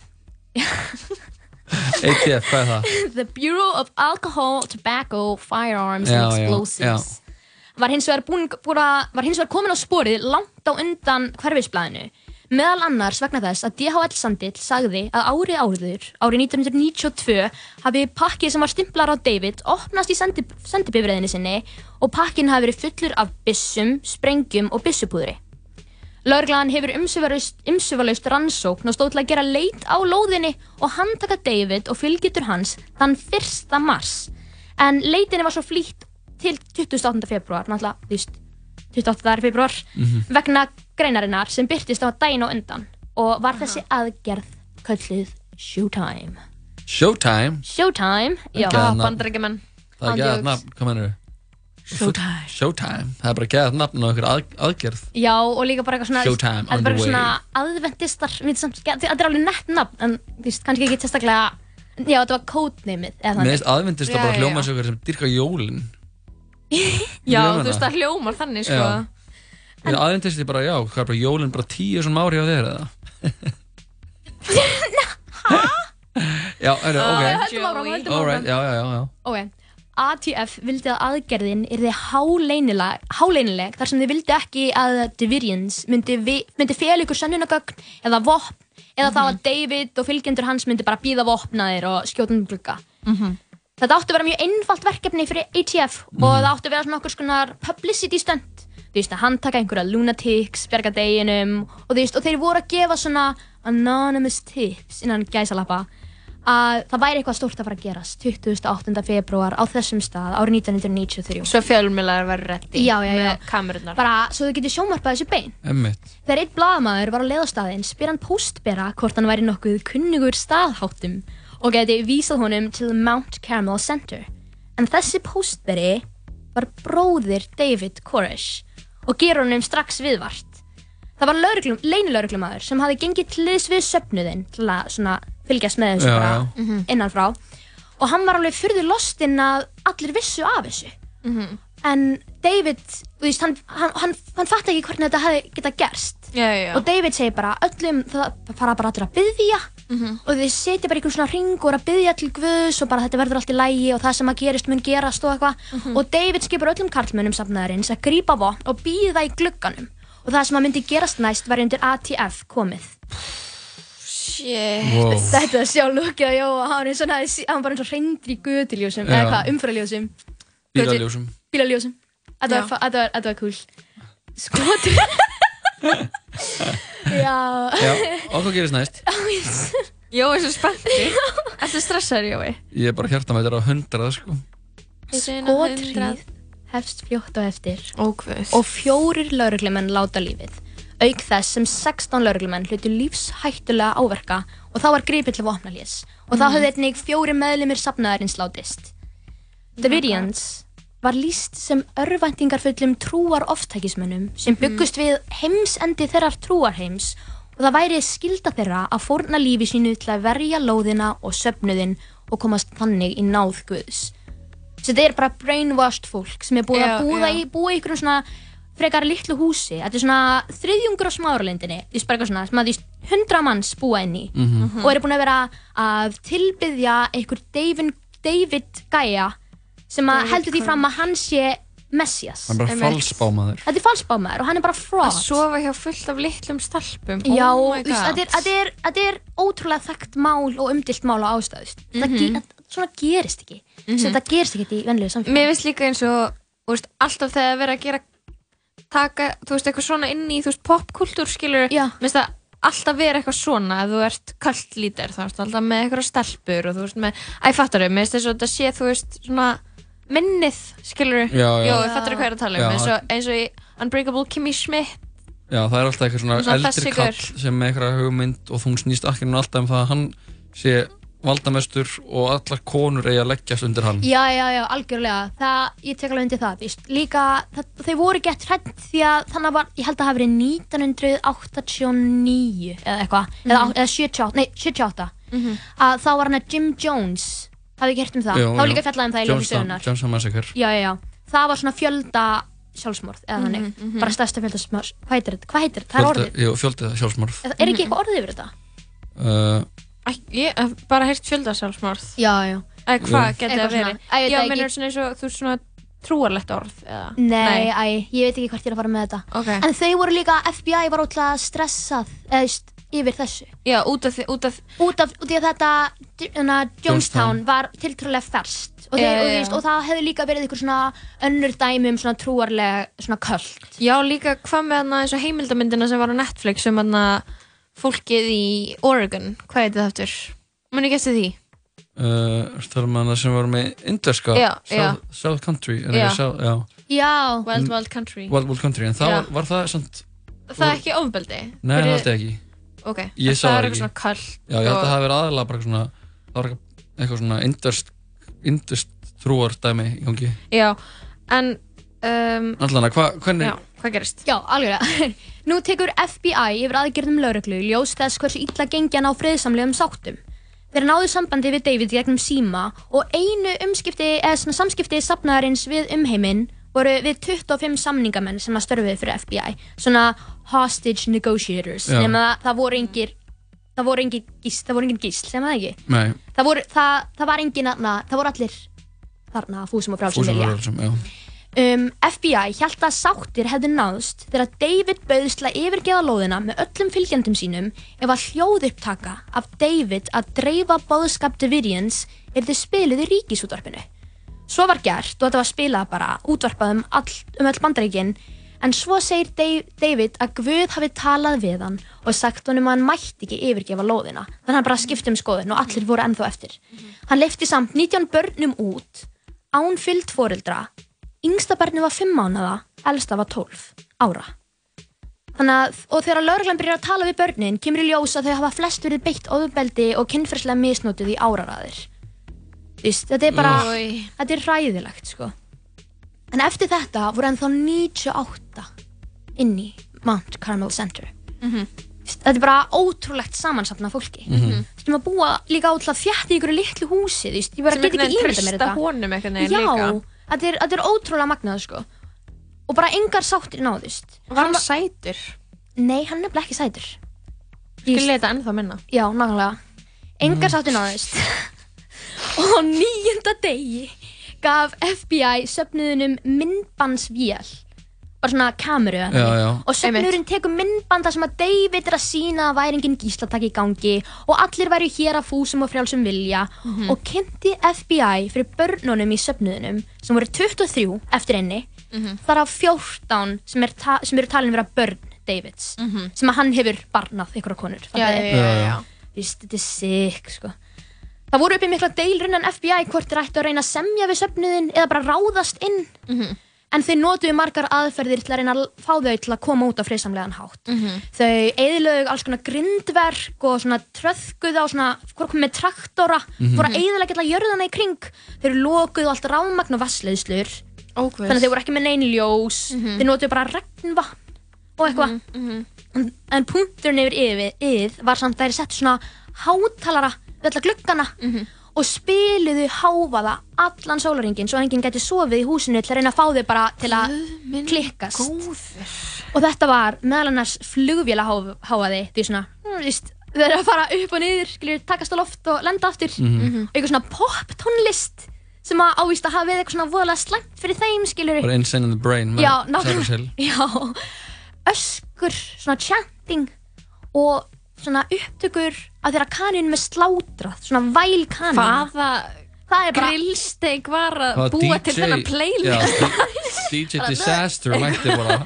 velja all, bara hva, hvað ert að gera þegar að vinna en að velja öll leiðilegustu hljóðin hvað var þetta seinast sem þú sagðir bara því vælkanina sem verið, sem verið var að slátra ok, bara slátra bara svona Bara eitthvað svona- kanna sem er Ég verið að ætla ekkert slátra. ég ætla ekki að reyna að herma eftir þessu Eh, What's up, dog?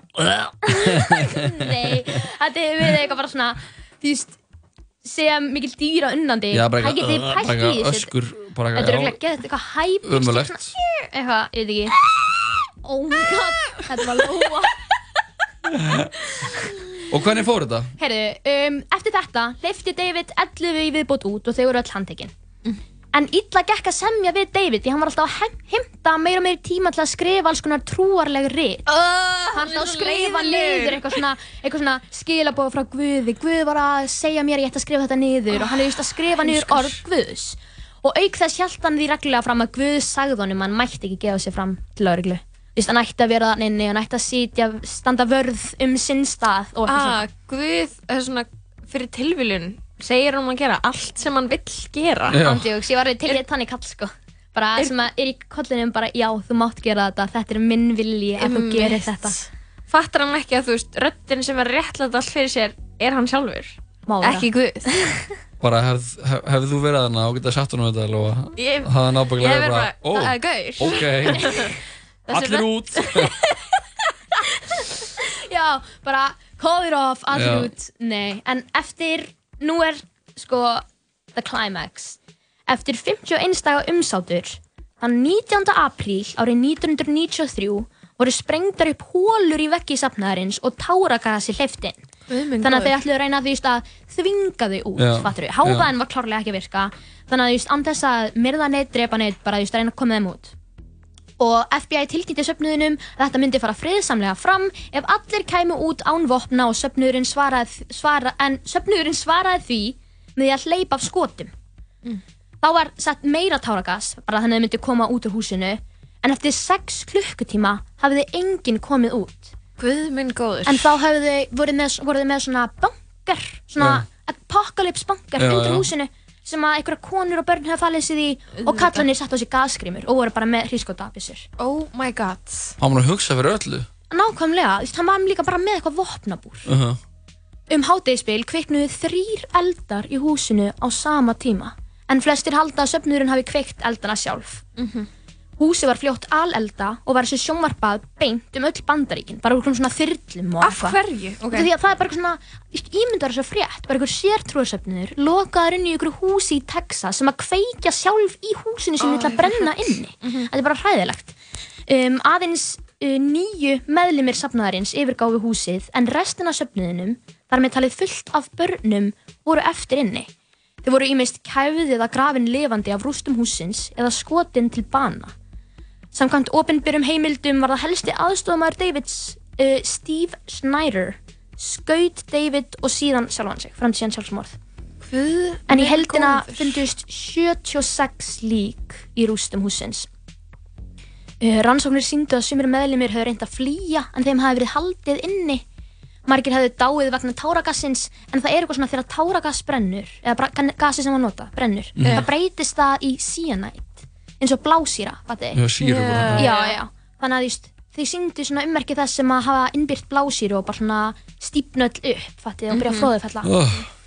Um, já, þetta er ógislegt Þetta er hellað, Ingibjörg Margir hefðu dáðina tárakastins, eins og ég sagði En 20 hefðu verið skotin til bana Þar að meðal David, Steve og fimm börn sem voru yngre en 14 ára Auk þess var lítill þryggjara drengur stunginn til bana Eitthvað 40 eitthvað sinnum Eða 30, þú veist bara, Új. þetta er hræðilegt sko gerðist þarna Ég veit, þetta er klikkun sko og sérfræðingar telja að margt af þessu hafi bara verið svona mercy killings framin að safnaða meðlumum áður en að þau vissu að þau var að fara að brenna inni Já, já um, Alrikislauraglan hefur verið harkalega gaggrínd fyrir hvernig hún tókst á við ástandið Þú veist Já. eins og það að hafa nota táragas og svo eru uppi alls konar kenningar um hvort meðlumir safnaðarins eða Alrikislauraglan hafi hafið skotriðina Þú veist hver hafi skotið fyrst Einmitt.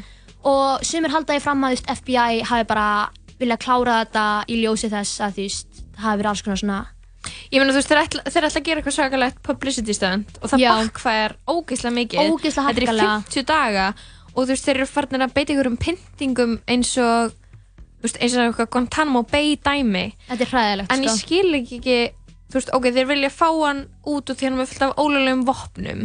Já, og en líka ef að bara- fullt af fólki er þarna fúsum og frum sem vilja, af hverju ekki bara leave them be?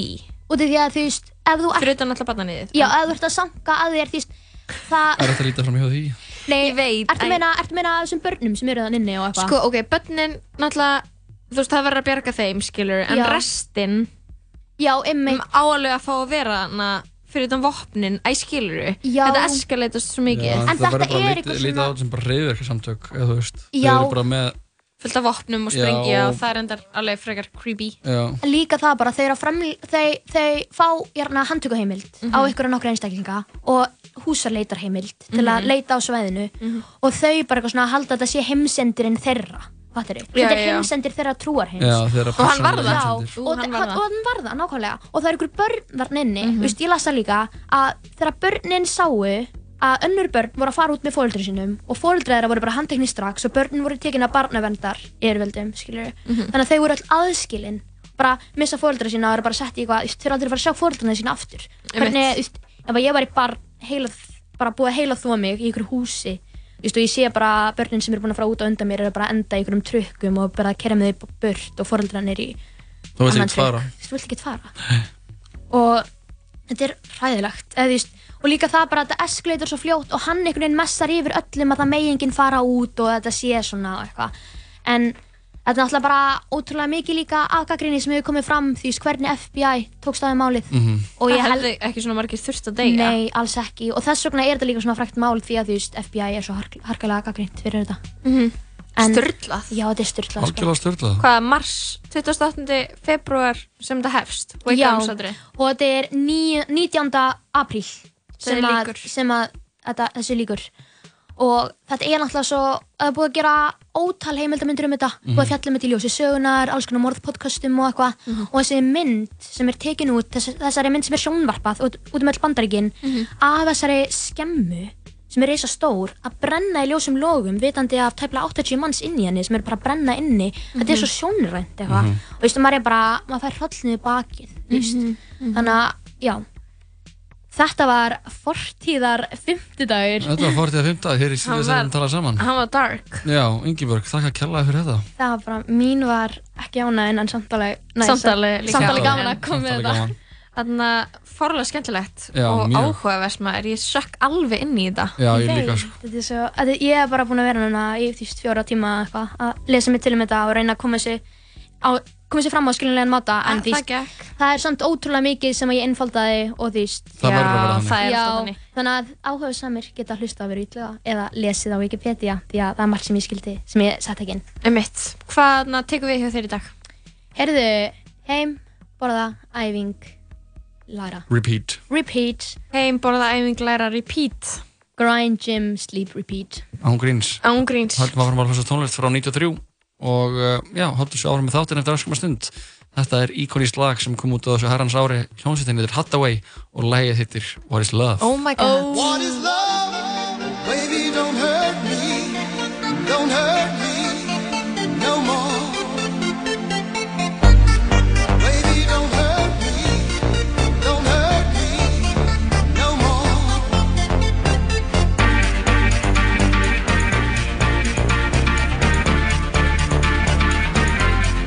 What is love?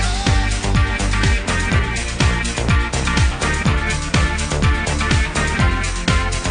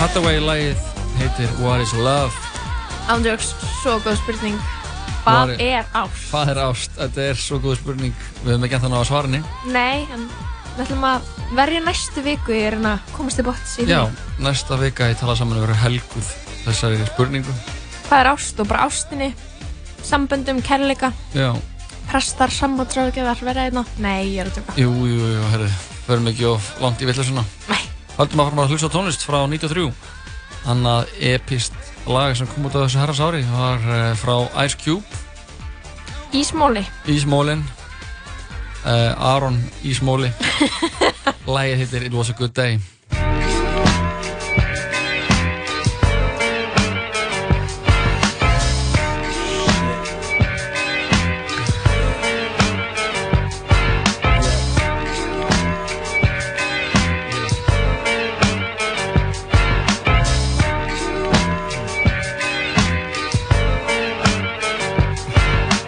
Just waking up in the morning, gotta thank God. I don't know, but today seems kinda odd. No barking from the dog, no small. And mama cooked the breakfast with no hog. I got my grub on, but didn't dig out. Finally got a call from a girl I wanna dig out. Hooked it up for later as I hit the dope. Thinking, will I live another 24? I gotta go, cause I got me a drop top. And if I hit the switch, I can make the ass drop. Had to stop at a red light. Looking in my mirror, not a jacker in sight. And everything is alright. I got a beat from Kim, and she can fuck all night. Called up the homies, and I'm asking y'all, which part are y'all playing basketball? Get me on the court, and I'm troubled. Last week, fucked around and got a triple double. Freaking niggas every way like MJ. I can't believe today was a good day.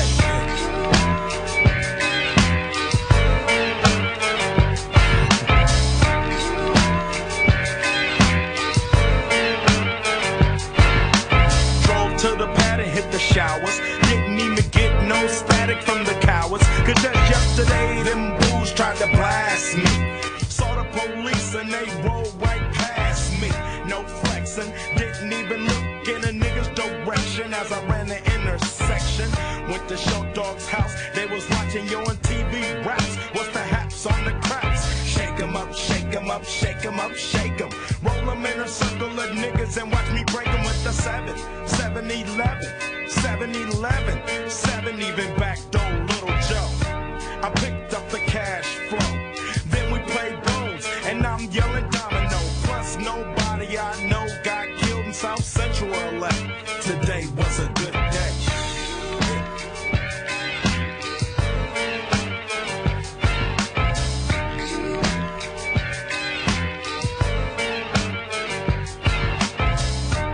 Left my nigga's house paid. Picked up a girl, been tryna fuck since the 12th grade. It's ironic. I had the boo, she had the chronic. The Lakers beat the supersonic. I felt on the big fat fanny. Pulled out the jammy and killed the poo nanny. And my dick runs deep, so deep, so deep, put her ass to sleep. Woke her up around one. She didn't hesitate to call Ice Cube the top gun. Drove her to the pad and I'm coasting. Took another sip of the potion, hit the three wheel motion. I was glad everything had worked out. Dropped her ass off and then chirped out. Today was like one of those fly dreams. Didn't even see a berry flashing those high beams. No helicopter looking for a murder. Two in the morning, got the fat burger. Even saw the lights of the Goodyear blimp, and it read Ice Cube's a pimp.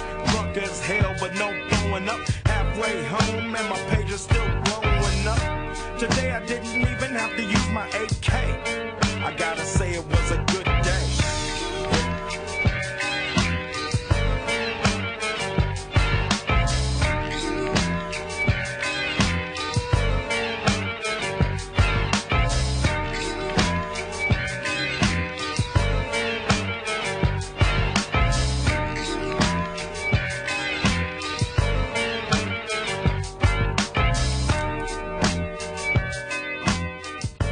Þetta er Ice Cube, lagið It was a good day Já, dagurinn í dag var góðu dagur, er það ekki?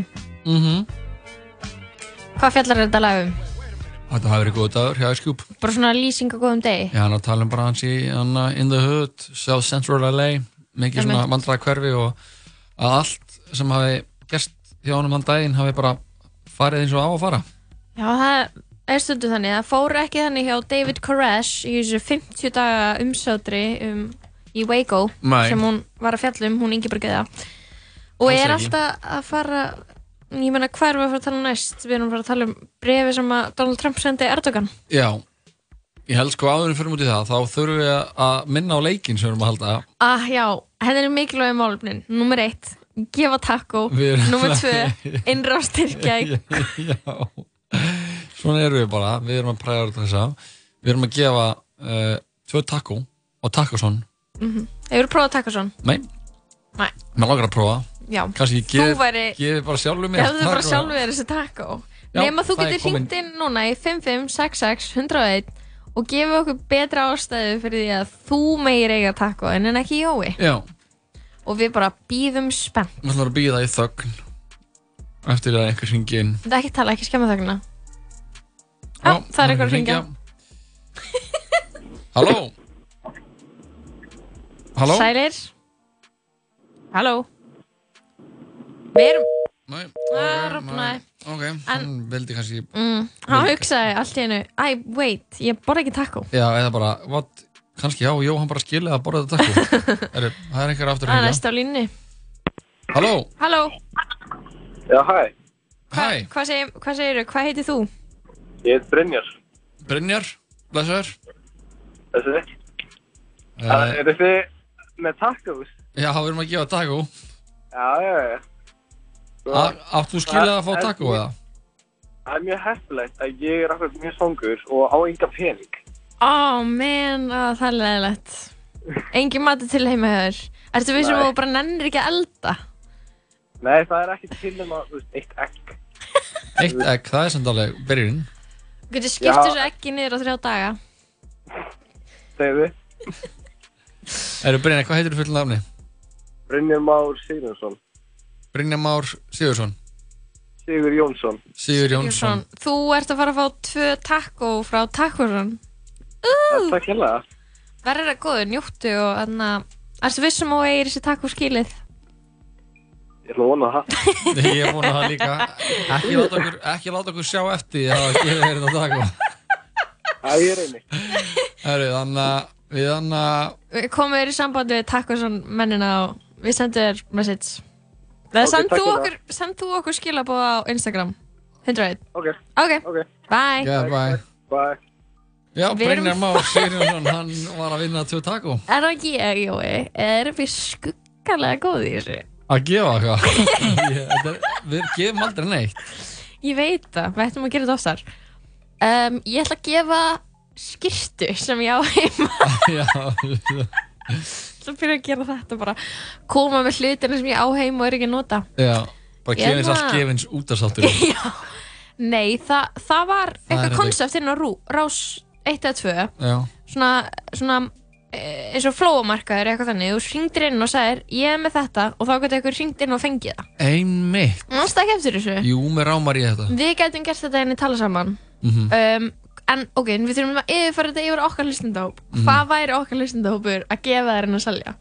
Uh, við erum að gefa hérna eina pítsu Nei, sko, já eh, Sem fólk myndir hringja inn með til að gefa Já, Fattarðu ein- mig? Einhver sem er Gat ekki saddur. uh, Ég pantaði stóra pítsu Nei, Get ekki klára hana Fekk sér sko hana heimsíkjartilbúð Þannig að hann fekk tvær pítsur Ok, borðaði einu og ekki Borðaði eina og er eitthvað Ég hef ekki gott af að borða tvær Einmitt Og ætla að gefa eina pítsu Það er klassik okkar hlustendahópur að Já, gera eitthvað þannig algjörlega sko Mm. uh, Gefa eitt sokk af Því að hann týndi hinnum Já, ég á svo mikið af stökum sokkum til að gefa Ég á bara staka sokka mm I know Við þurfum eiginlega að halda fatamarkað Fyrir staka Fyrir staka sokka sokka. Þess að fólk getur komið og reynd að finna eitthvað til að s- para sína stöku sokka með Og það er líka hraðstefnumóta hittingur.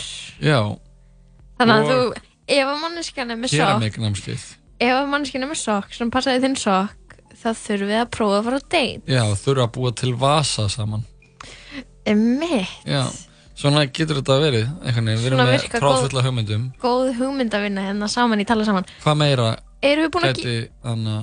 ge- hlustendur okkar hringd inn með og gefið? Um, manneskja að gefa peysu sem hún pantaði á ASOS en passar ekki. mhm, mhm, Þetta er pík okkar hlustendahópur. Já, Ég veit að þið eru að panta föt á ASOS. já pan, Ég eða veit pantaði það. peysu og asos og sem bara eitthvað, ah nei, ég vil ekki taka þátt í fast fashion, ég ætla að gefa ykkur núna. Oh, Heru, nú eru allir, pík tala saman. allir brjálaðir af því að hann að þú veist að, það er tveir hópar á, á græminu núna það eru þeir sem eru að taka þátt í hann að gallerí Gjafaleiknum. 17 hjá, Já, gæfaleiknum. já, Tölum gjafaleiknum. um þetta. Eh, Beilum á að tala með Erdogan og Trump. ok, byrjum að tala um þetta allan Mm uh, núna er það gallerí 17 er að gefa áspyrðið af fötum og fólk er annarkort að deila þessu taka þátt í leiknum Mhm. eða segja bara hei, við erum hérna að reyna að taka þátt í umhverfisvend þannig að skulum ekki taka þátt í þessum Eitthvað leik svona, við þurfum ekki að eða 300 úr krónum á ári í fött Nei, eitthvað sem skilur við ok, ég er með teik sko teiki mitt er Er eitthvað þú með teik? Vá, wow, hvað erum við þetta? æjói, viltu deyja eða Spurningin er, viltu deyja? Og svarið er svarið er, já já. svarið er já, Nei, ok, hvað er með teiki? ok, teiki mitt er bara skilur við að, að na, famously eru margir að auðvelda eða svona miklum peningi föt sko Mhm. og það skiptir ekki máli hvort þú ert að kaupa þér eitthvað lítið í þessum, má- þú veist, í hverju mánuði sem sapnast saman í 300 skall þú veist uh, eða þá þú ert að kaupa þér skilur nokkra frí, flíkur í geysi Mhm. og þá er það, þú Nokkrar veist, ha- flíkur. flíkur, þú veist, þá er það hægilega 300 skall skilur Já, já. og ég er bara svona eitthvað svona, og það er fyrst sem ég hugsa ég var bara eitthvað ok, ok, what, eitthvað þarftu svona mikið af fötum fyrir árið Mm en þú veist, Getur líka verið jólagjafir. já, en þú veist Það er alveg hver góð pæling mér finnst sko. Já, að bara taka þátt í svona gafaleik fá 300 skrona innegn í Gallery 17 og velja allar jólagefna síðan það Já, mér finnst það geðið pæling. Ok, skiptir ekki máli, þú ert að vera kaldhæðin Nei. Jú, ég þú ert að bara- vera kaldhæðin Þú myndir aldrei, þú myndir aldrei fara sjálfur að velja jólagefur á okkur í fatabúð nema þú veist eina mannsku, skilur Þú getur ekkert að gefa allar jólagefna einar úr Gallery 17 Þú Mm. ætlar að gefa pappa einum blazer úr Gallery 17, Já, skilur það væri Þú ætlar að geðið. gefa mömmuðinni Pabbi var hann að pakka það paljett- bara eitthvað, mmm, blazer. Og mamma líka bara, mmm, blazer, gefa öllum blazer. bara jólum þegar Æi. Jóhann gaf öllum blazer í jólagjafir. Nei, ok, pælingi mín er bara, þú veist, þetta er, þetta er líka bara svona eye-opening hvað maður er alltaf að fá sér eitthvað nýtt, sko. Mhm. Og það er ekkert, það, er- það meikir ekkert sans að vera að fá sér svona mikið að nýjum fötum á hverju ári, sko. Það er enga veginn sustainable. Textiliðnaðurinn er bara held í 10% af allri mengun í heiminum, sko. Er það? Já, og þú veist, það sem að fólk veit ekki er að, þú veist, þú nota fötin Mhm. og það er búið að búa til eitthvað svona, svona system sem er eitthvað endurvinnslu system að þú ferð með til rauðakrossin og þú selur það sem þú getur sa- selt, selt í trendport eða netport eða einhverju Einhverju porti. einhverju porti, kólaporti og veist, lofthostel, eitthvað Mhm. en þarna ógeðslega mikið af fötum úst, það er bara shippað mörgum gámum í burtu frá Íslandi þetta fer til Póllands þetta er flokka þar það sem að e, er ekki síðan nota þar það er samt síðan áfram til þú veist Afríku þar er þetta bara urðað í rauninni skilur, þetta er bara endar skilur sem landfyl einhvers staðar annars staðar í öðru landi þannig að við erum búin að bæði senda þetta til Íslands frá útlöndum frá þú veist Indonésiu Mhm. og Bangladesh og Indlandi skilur þar sem þetta er saumað af fólki á basically engum launum Einmitt. svo kemur þetta hingað, við notum þetta fjóru sinum svo sendum við þetta í gám aftur til Evrópu og svo til Afríku til þess að þetta sé ultimately þú veist bara nota í, bara grafið og urðað, skilur við bara, þú veist, ógeðslega stúpid kerfi og eh, við erum ekkert að endurvinna þau í alvörunni, skilur Nei, við nei, nei, við erum bara að tróða þeim aftur á Já, jörðina. við erum að tróðum aftur á nýjörna og þú veist, fárlega mengandi og líka samtvinnast við þrælahald, Mhm. skilur við út Mhm. því að þeir sem að eru að sauma fastfæsanföð eru bara nútíma þrælar Já, og ég veit ekki, þú veist, ég er ekkert að reyna að setja maður siffræslega hann hest út því að þú veist, ég kaup alveg föt líka þannig að mér finnst það bara að vera geða tækifæri til þess að vera bara, ok og ekki bara hætta að kaupa föt í billi þú veist, Já, eða það er þetta allir ekki eitthvað verið til að horfa í speilin sko. já, þú veist, ég meina það er allir eitthvað að hugsa ok, á ég að minka kjöt, á ég að þú veist þannig Gera að þetta, taka ofta strætó, gera á hitt. ég að fá mig hjól þú veist, og það er bara einn hjól ég er búin að vera aðalega að spója því Mhm. að spórna gegn annað hættu þessu þú ert svona kaltæðin svona, svona mother fucker sko, já, um mitt hættu því það er bara flottu heldur, heldur, að- heldur að jörðin anna, jörðin þykir vænt um alla, alla, alla kaltænu gauruna sem eru svona að pushing back þegar einhver ætlar að reyna að gera eitthvað gott fyrir plánutuna heldur að móður Nei, ég jörð sé styð ána það með því algjörlega, Að sko, það? já. segðu það í fullri einlægni að hvað ég styðji þannig að bara þannig gegn lofslags hamförum Já. ég geri það á heilum hug það er ekkert sem ég geti sagt þérna sem þú verður ekki að nei, þú ert ekki að meina þetta þú ert bara, þú bara trúir einhver sem ég segi já, ok, en þú getur trúið þessu því ég segi það var flottur þáttur í okkur í dag en hann að klárast já, við fengum til okkar þá Unnar og uh, Óla Dóra sem mm Mhm. -hmm. standaði opnun nýja Hressó. í Östræti, með ekki jú, þessi gata heitir Já, ég Östustræti rugglast á lækjartorki og hann að össustæði, come on, don't kill me for this. uh, og þeir eru að opna, það verða mega tónleikar um helgina og þetta er svona, það er ný tónleikastæðir in town. Ég get ánægður að heyra það. já, ég líka ég held að vera vibes að chilla hana Já, ég held það líka. Og svo fengum við uh, herran sjálfan, herran Hendusmjör, fucking gaman að fá hann Vibe King, hann er að halda tónleika í Gamla Bíu annað kvöld Mhm. og uh, tónleikar sem verða ábúinlega uppselt á. Þannig að Jöp. ef fólk vill mæta Mhm. þá uh, verðið þið að fara inn á uh, tix.is núna og kaupa ykkur með það. mm, já, 100% Svo Og- fengum við yngur bryggu yður.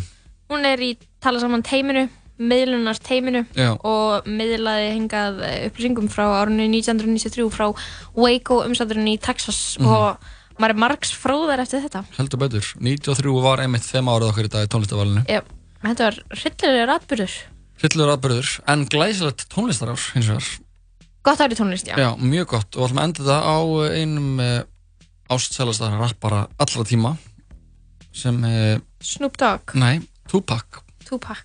hann uh, gaf út plötuna, plötuna Strictly for my N-word á þessari plötu Mhm. á þessu ári seg mm Mhm. og þetta er eitt stærsta lagi á þessari plötu þakku fyrir okkur í dag Já, takk fyrir þáttun Jói. Gaman að vera með þér. sem leiðis, endum þetta Tupac Ég er lagið. með legarmarki. heitir Keep Your Head Up, takk fyrir okkur Something for my God said he lied and little girl named Corinne.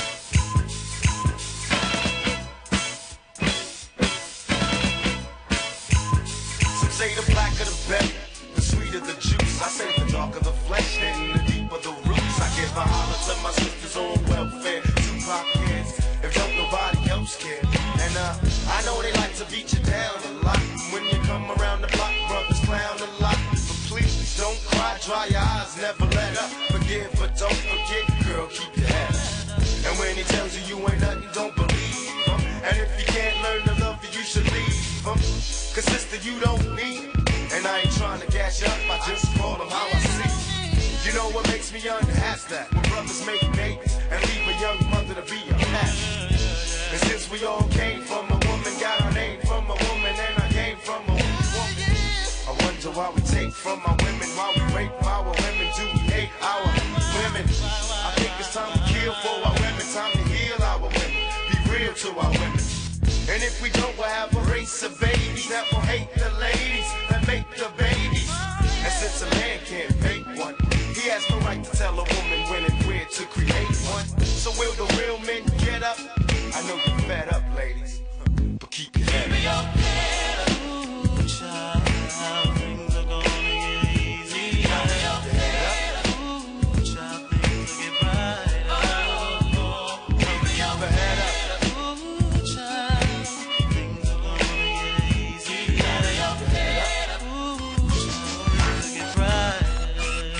Hey yo, I remember Marvin Gaye used to sing to me. He had me feeling like black was the thing to be. And suddenly the ghetto didn't seem so tough. And though we had it rough, we always had enough. I huffed and puffed about my curfew and broke the rules. Ran with the local crew and had a smoke or two.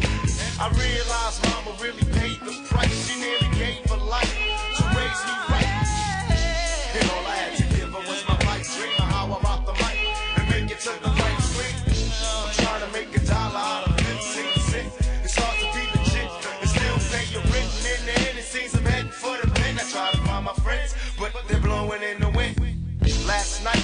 family is gonna take the man and me to conquer this insanity. It seems the rain will never let up. I try to keep my head up and still keep from getting wetter.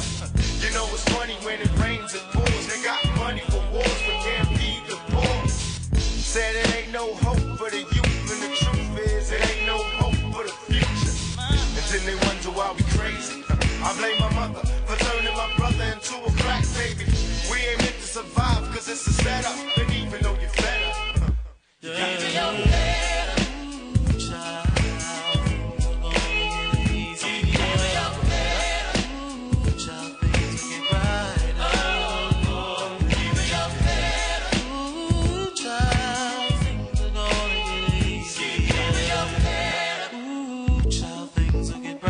And uh, to all the ladies at the